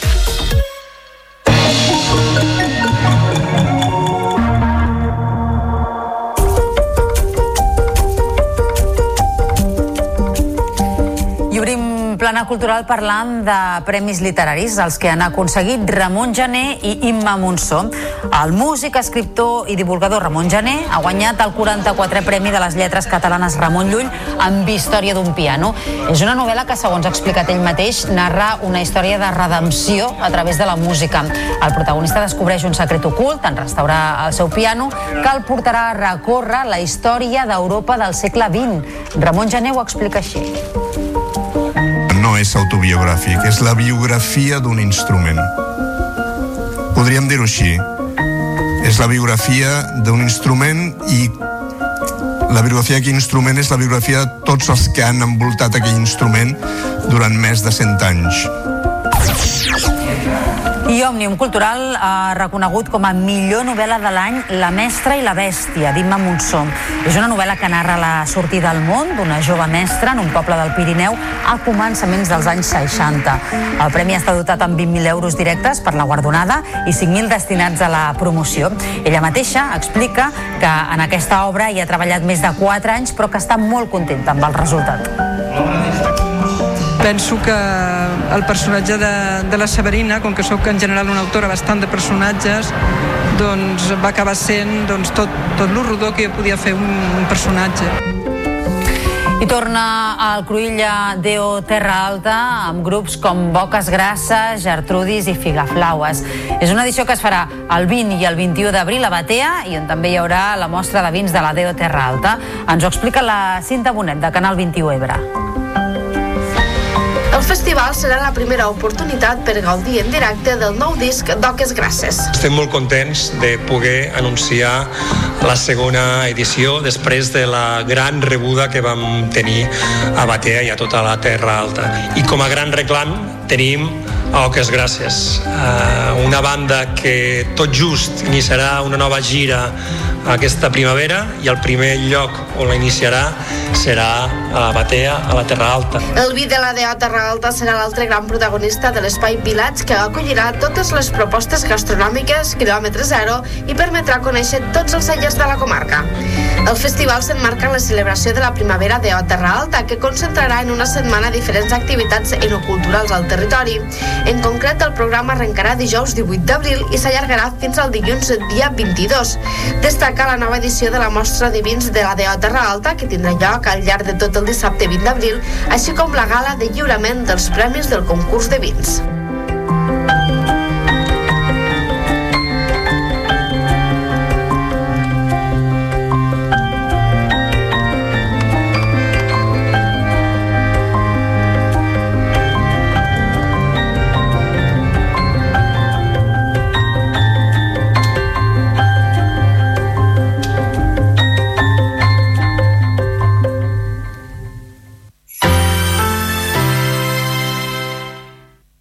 La xarxa de comunicació local.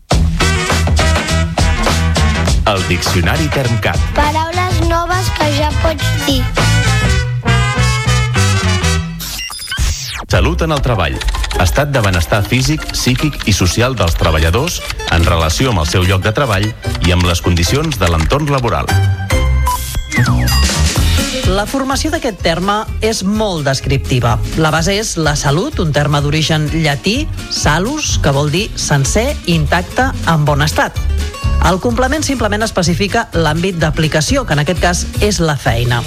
Sabies que el terme treball prové del llatí vulgar tripaliare, que vol dir torturar? Anècdotes a banda, com a sinònim de salut en el treball, també podem fer servir el terme salut laboral. En aquest cas, però, l'adjectiu laboral, que també deriva del llatí labor, designa feina o esforç.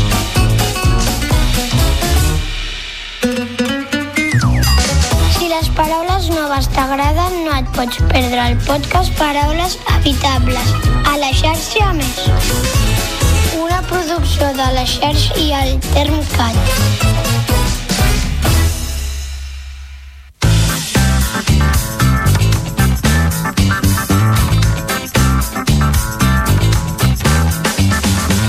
¿Sabías que...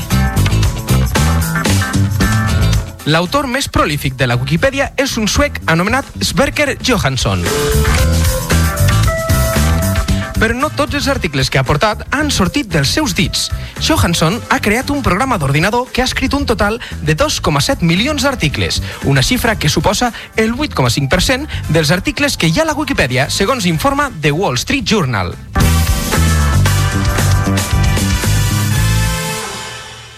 La xarxa de comunicació local.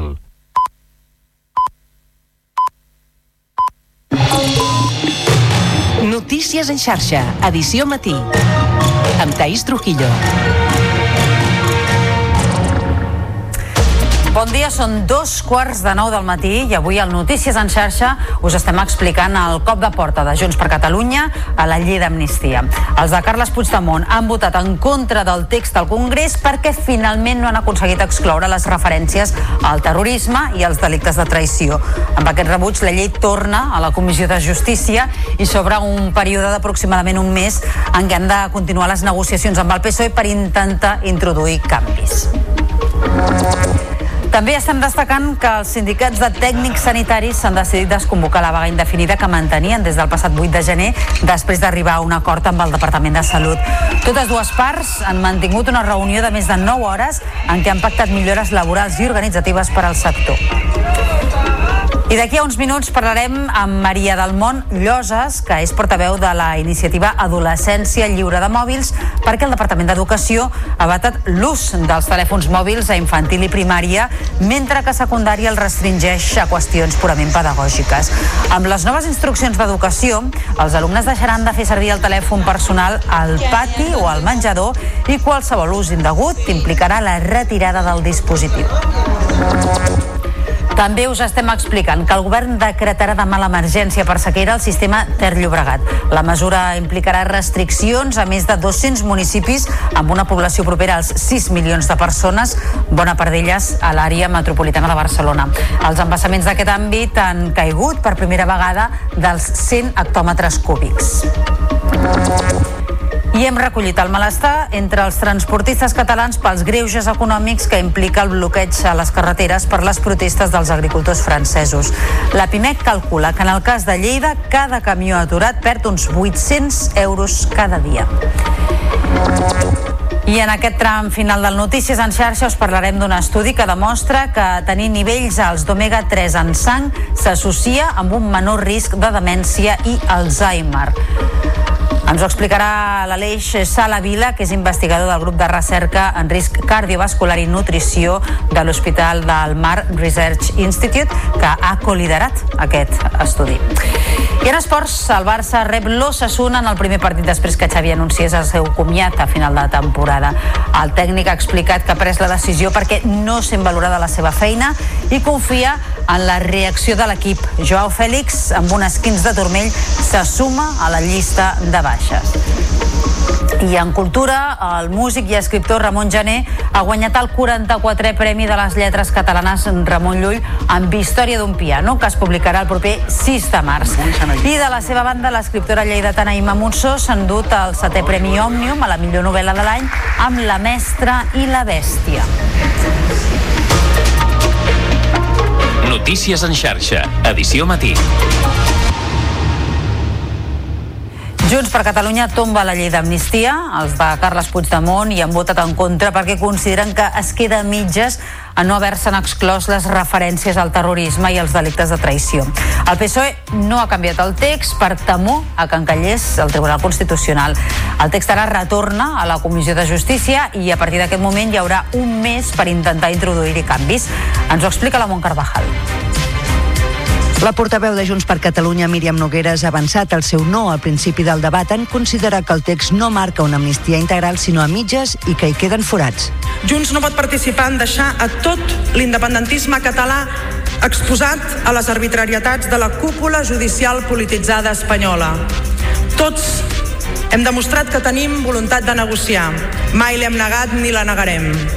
Per això esgotarem fins a la darrera opció per seguint-ho fent. Aquest text és un bon punt de partida i ho seria encara més en una democràcia plena on no hi hagués ingerències. Però vostès saben que aquesta llei té forats. La tesi socialista la defensada el diputat del PSC, Francisco Aranda, que ha retret a Nogueres al tomb als jutges i ha assegurat que la llei és constitucional. Una ley hecha desde el Estado de Derecho y con todas las garantías del Estado de Derecho respetando la separación de poderes. Des d'Esquerra Republicana, la diputada Pilar Vallugera ha mirat de convèncer Junts que hi votés a favor. L'argument, que ja xupluga els encausats i per no ballar el so dels jutges. Cal que nosaltres avui, quan podem garantir a la major part de la nostra gent que seran amnistiats, perdem aquesta oportunitat? I el líder del Partit Popular, Alberto Núñez Feijóo, ha qualificat la llei de pagament infama i humiliant del PSOE cap als independentistes. Esta ley es infame desde el minuto uno, pero cada día hasta llegar a hoy la han convertido en una obscenidad mayor. Enmienda a enmienda, esta ley ya es la matriosca rusa. Se añadirán las capas que hagan falta, pero ya la matriosca rusa ha entrado en el Congreso de los Diputados. El text retorna a la Comissió de Justícia per renegociar-hi modificacions.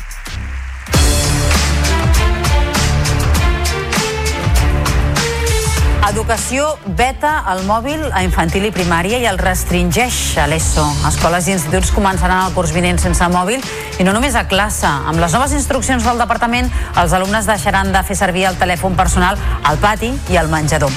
En volem parlar amb Maria del Mont Lloses, que és portaveu de la iniciativa Adolescència Lliure de Mòbils. Maria del Mont, molt bon dia. Molt bon dia. Quina valoració en feu vosaltres des del moviment sobre aquesta instrucció que ahir donava a conèixer el Departament d'Educació?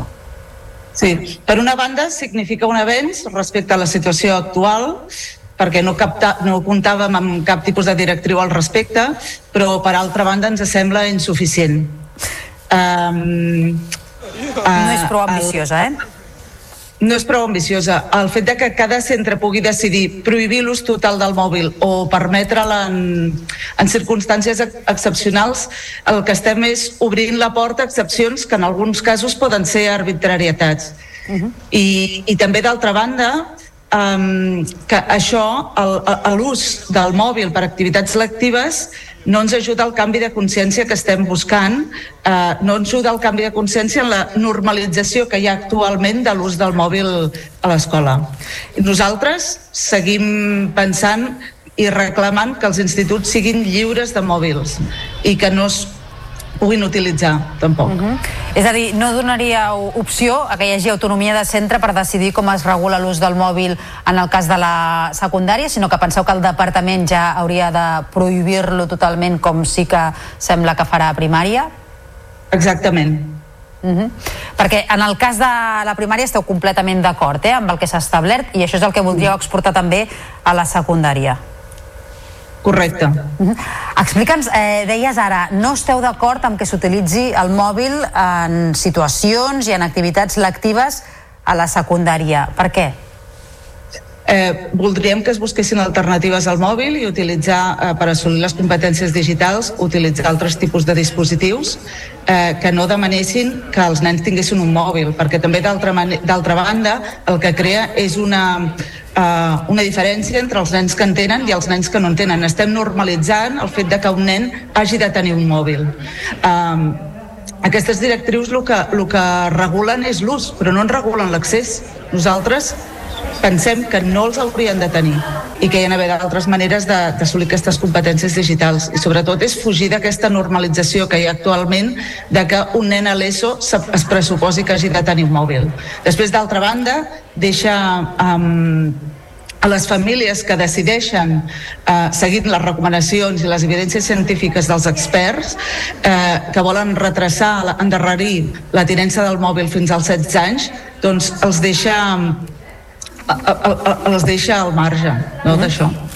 Què és el que fareu, Maria del Món, a partir d'ara, amb el que vosaltres ja heu qualificat com a manca de contundència del Departament d'Educació? Quines vies us queden? Bueno, seguim treballant per un canvi de consciència amb les famílies, estem fent moltíssims actes, moltes xerrades, debats, eh, conferències a les escoles perquè fer un canvi social.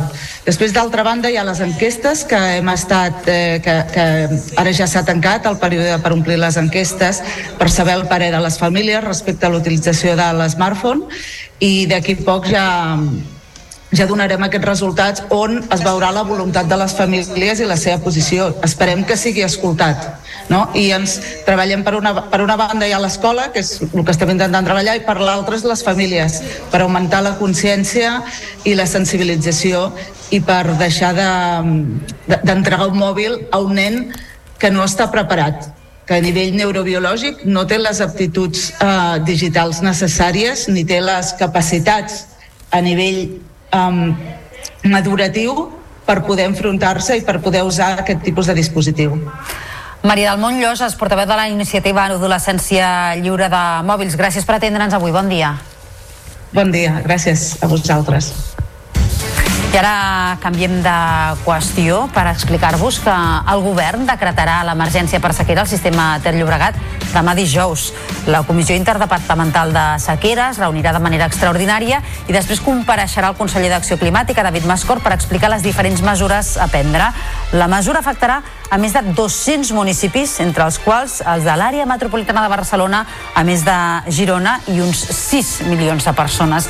Els embassaments del Ter Llobregat han caigut per primera vegada per sota dels 100 hectòmetres cúbics, que és el llindar marcat per declarar la primera fase d'emergència, segons el pla de sequera especial. Les reserves estan ara al 16,3%, però la previsió és que en els propers dies es baixi per sota del 16%. I en aquest context d'extrema sequera encara n'hi ha que no tenen prou consciència.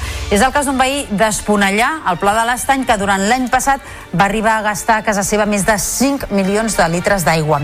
L'Ajuntament li ha obert un expedient sancionador que li suposarà una multa quantiosa. És una crònica de Banyoles TV. L'expedient suposa una multa que pot arribar als 3.000 euros i si no fa cas de les advertències i redueix el consum, el consistori no descarta tallar-li la connexió a la xarxa i suspendre-li el comptador. El cas s'ha pogut detectar després d'analitzar els consums d'aigua que fan els habitatges d'Esponellà i que ha fet l'empresa responsable de la distribució.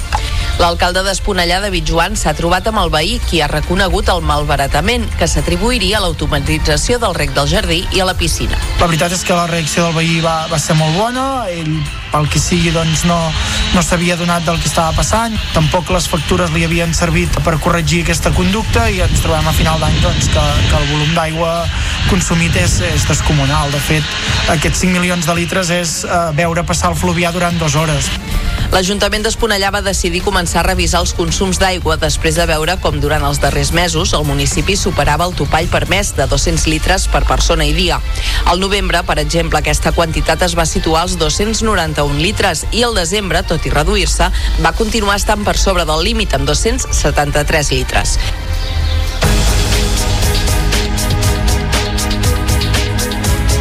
Els sindicats de tècnics sanitaris avisen que si el Departament de Salut no compleix l'acord a què van arribar ahir a la nit després d'una reunió maratoniana, tornaran a anar a la vaga.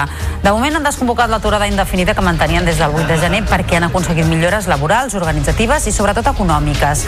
Les ha explicat fa uns minuts aquí al Notícies en xarxa Cristian Monclús, que és secretari del Sindicat de Tècnics d'Infermeria a Catalunya.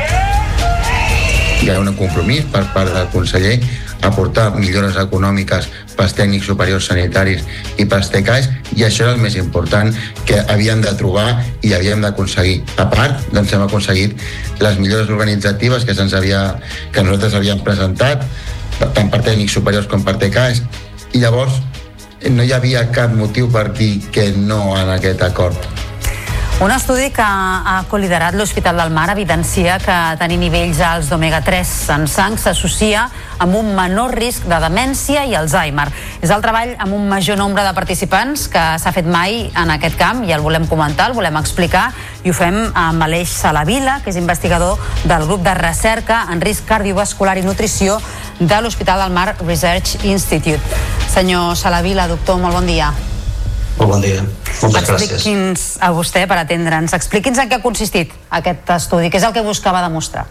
Bé, primer de tot, el que hem d'explicar molt clar és en què no ha consistit, perquè és un tema que és molt sensible i que per tant és molt perillós dir el peix, les nous, l'omega-3 curen l'Alzheimer o eviten l'Alzheimer. Això encara no podem dir-ho. Això només es podria fer amb un gran estudi que encara ningú ha gosat fer mai perquè seria un estudi que valdria molts milions i necessitaria molts anys. Per tant, anem a clarificar el que de moment no és. En què ha consistit? Bàsicament, nosaltres tenim idea que la dieta pot ser un element que ens pot ajudar a prevenir l'aparició la, de demències, al igual que sabem segur que la dieta prevé l'aparició de malaltia cardiovascular. Això sí que ho sabem segur. Que prevé demències, tot sembla indicar que sí, però encara no estem 100% segurs. Els omega-3 és un dels compostos que són més interessants en aquest sentit i hi ha hagut molts estudis similars als nostres. És a dir, són estudis que han agafat informació de molta gent i és una gent que han anat seguint durant molts anys i han anat veient com anaven apareixent els casos d'Alzheimer en aquesta gent que havien anat seguint durant anys. Eren estudis que també havien mirat els nivells d'omega-3 en sang, però que fins ara sobretot havien treballat amb gent de 60-65 anys nosaltres hem fet l'estudi més gran en el sentit que hem aprofitat el grup de gent amb una mida més gran. És a dir, és més d'un quart de milió de persones i això ens ha permès doncs, investigar grups de població que fins ara no havien pogut ser investigats, com per exemple la gent de 50 anys, que és un, un segment de població que encara no havíem, no havíem pogut investigar. Això ens ha permès tenir una mida de, de, de, mostral eh, que ens donava suficient poder estadístic, és a dir, per realment creure'ns que el que nosaltres veiem era realment una cosa que era suficientment robusta. Uh -huh. Bàsicament, hem mirat diferents grups de població, sempre hem vist que més omega-3 menys risc d'Alzheimer, menys risc de demències, però hi ha uns subgrups en què les reduccions encara són més fortes quan hem comparat homes i dones, veiem que els homes hi ha més reducció. Quan hem comparat gent més jove, és a dir, gent de 50 a 60, comparat amb gent de 60 o més, veiem que les reduccions són més fortes per eh, la gent de més de 60. I quan hem comparat les dues entitats clíniques, és a dir, totes les demències i només malaltia d'Alzheimer, que són les demències més habituals, hem vist que les reduccions són més fortes en totes les demències. Això no vol dir que no s'associï amb Alzheimer, simplement que és més fort quan tenim en compte totes les demències, incloent demències d'origen vascular. Deia abans que l'estudi era molt gran. Eh, s'ha fet amb, amb una base de dades de persones que viuen al Regne Unit, 260.000. Sí. Um, els resultats, tenint en compte uh, les diferències dietètiques que hi pugui haver, d'estil de vida, etc, són importables aquí a Catalunya? Això és una, és una molt bona pregunta. En això estem treballant. Cada cop hi ha més la idea de que cal anar per una medicina personalitzada, una nutrició personalitzada. Igual que quan nosaltres anem a comprar roba, no totes les talles ens serveixen per tots. És a dir, hi ha qui necessita unes talles, hi ha qui necessita unes altres. És molt probable que les dosis o els nivells d'omega-3 que haguem de tenir per tenir un efecte que sigui clínicament rellevant estiguin modificats per si ets home o ets dona, per la teva ètnia, per la teva càrrega genètica, per la teva edat, pel teu entorn, és a dir, no només estàs menjant omega-3, estàs menjant altres coses. I per tant és interessant anar incloent cada cop mm, estudis de més llocs del món. Amb això estem treballant, és a dir, fins ara la majoria dels estudis havien estat als Estats Units, ara s'ha fet servir un estudi del Regne Unit, com bé dius, és un estudi molt gran, de fet és un estudi que és de mig milió de persones, però de dades d'omega-3 en sang, de moment només està disponible per la meitat, és a dir, un quart de milió confiem que ben aviat encara tindrem accés a més dades. Però el que estem fent és intentar treballar unint tots aquests estudis d'arreu del món realment per veure com afecten diferents factors. El que sí està clar és que miris on miris, nivells més alts d'omega-3, en general, menys risc. El tema és quan menor és aquest risc. I això és realment el que estem intentant definir ara més bé. I a l'espera de fer més estudis i de fer aquestes relacions entre diferents estudis, eh, és massa aviat o podem ja donar algun consell a les persones que ens estiguin escoltant de cara a introduir o a ampliar la quantitat d'omega-3 que, que ingereixen amb aliments o amb suplements? Sí. En relació als omega-3, els meus consells, com mínim és el que jo m'aplico al meu dia a dia, és intentar consumir peix un parell de cops per setmana, si la gent vol, si pot, si li agrada, jo ho recomano. Si pot ser peix blau, un parell de cops per setmana, i consumir fruits secs 3-4 racions per setmana, preferentment nous, perquè és una font d'omega-3. Això potser, potser ens ajudarà a protegir la demència o l'Alzheimer. Segur que ens ajudarà a protegir la malaltia cardiovascular. És a dir, podria ser que, a més a més, tinguéssim un benefici pel cervell, això ho veurem d'aquí uns anys, probablement dècades, però el que és segur és que ja tindrem un benefici a nivell cardiovascular. Dit això, una altra cosa, pensar que mai és massa tard ni és massa d'hora per començar a millorar l'alimentació. Començar des de les primeres etapes de vida és important, però hi ha qui pot pensar, bueno, és que jo ja tinc 70 anys, és que jo encara que millori la meva dieta no tindré cap efecte. Això és mentida. Fins i tot als 70 anys ràpidament pots millorar el teu les teves capacitats, les teves, el teu estat de salut, fins i tot als 70 anys, millorant una mica la dieta. És a dir, petits canvis sempre cap al benefici. Aleix Salavila, investigador de l'Institut de Recerca de l'Hospital del Mar. Gràcies per haver-nos atès aquest matí per explicar-nos ah, aquest assumpte. A vosaltres. Moltes gràcies per donar-nos veu. Adéu. Notícies en xarxa. Tota la informació al teu abast.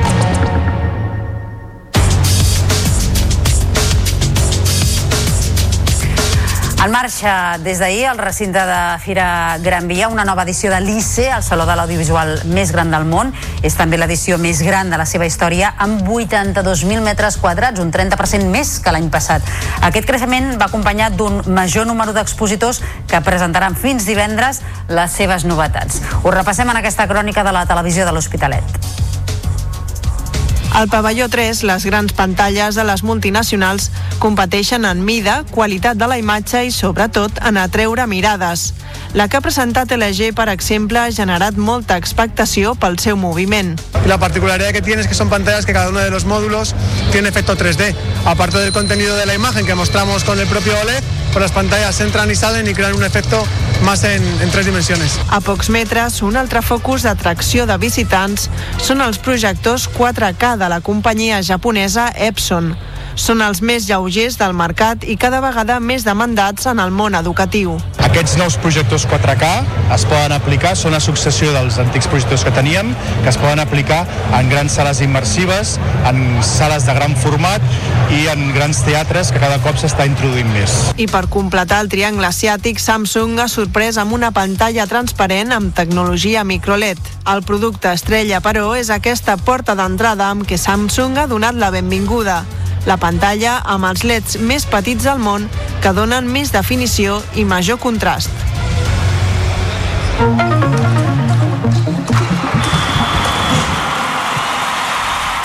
Falten 8 minuts per les 9 del matí. Repassem l'actualitat esportiva. Cristina Álvarez, molt bon dia. Primer partit del Barça després de l'anunci del comiat de Xavi. Sí, a les 7 de la tarda. Montjuïc contra Osasuna és el partit pendent de la vintena jornada que es va haver d'ajornar per la disputa de la Supercopa.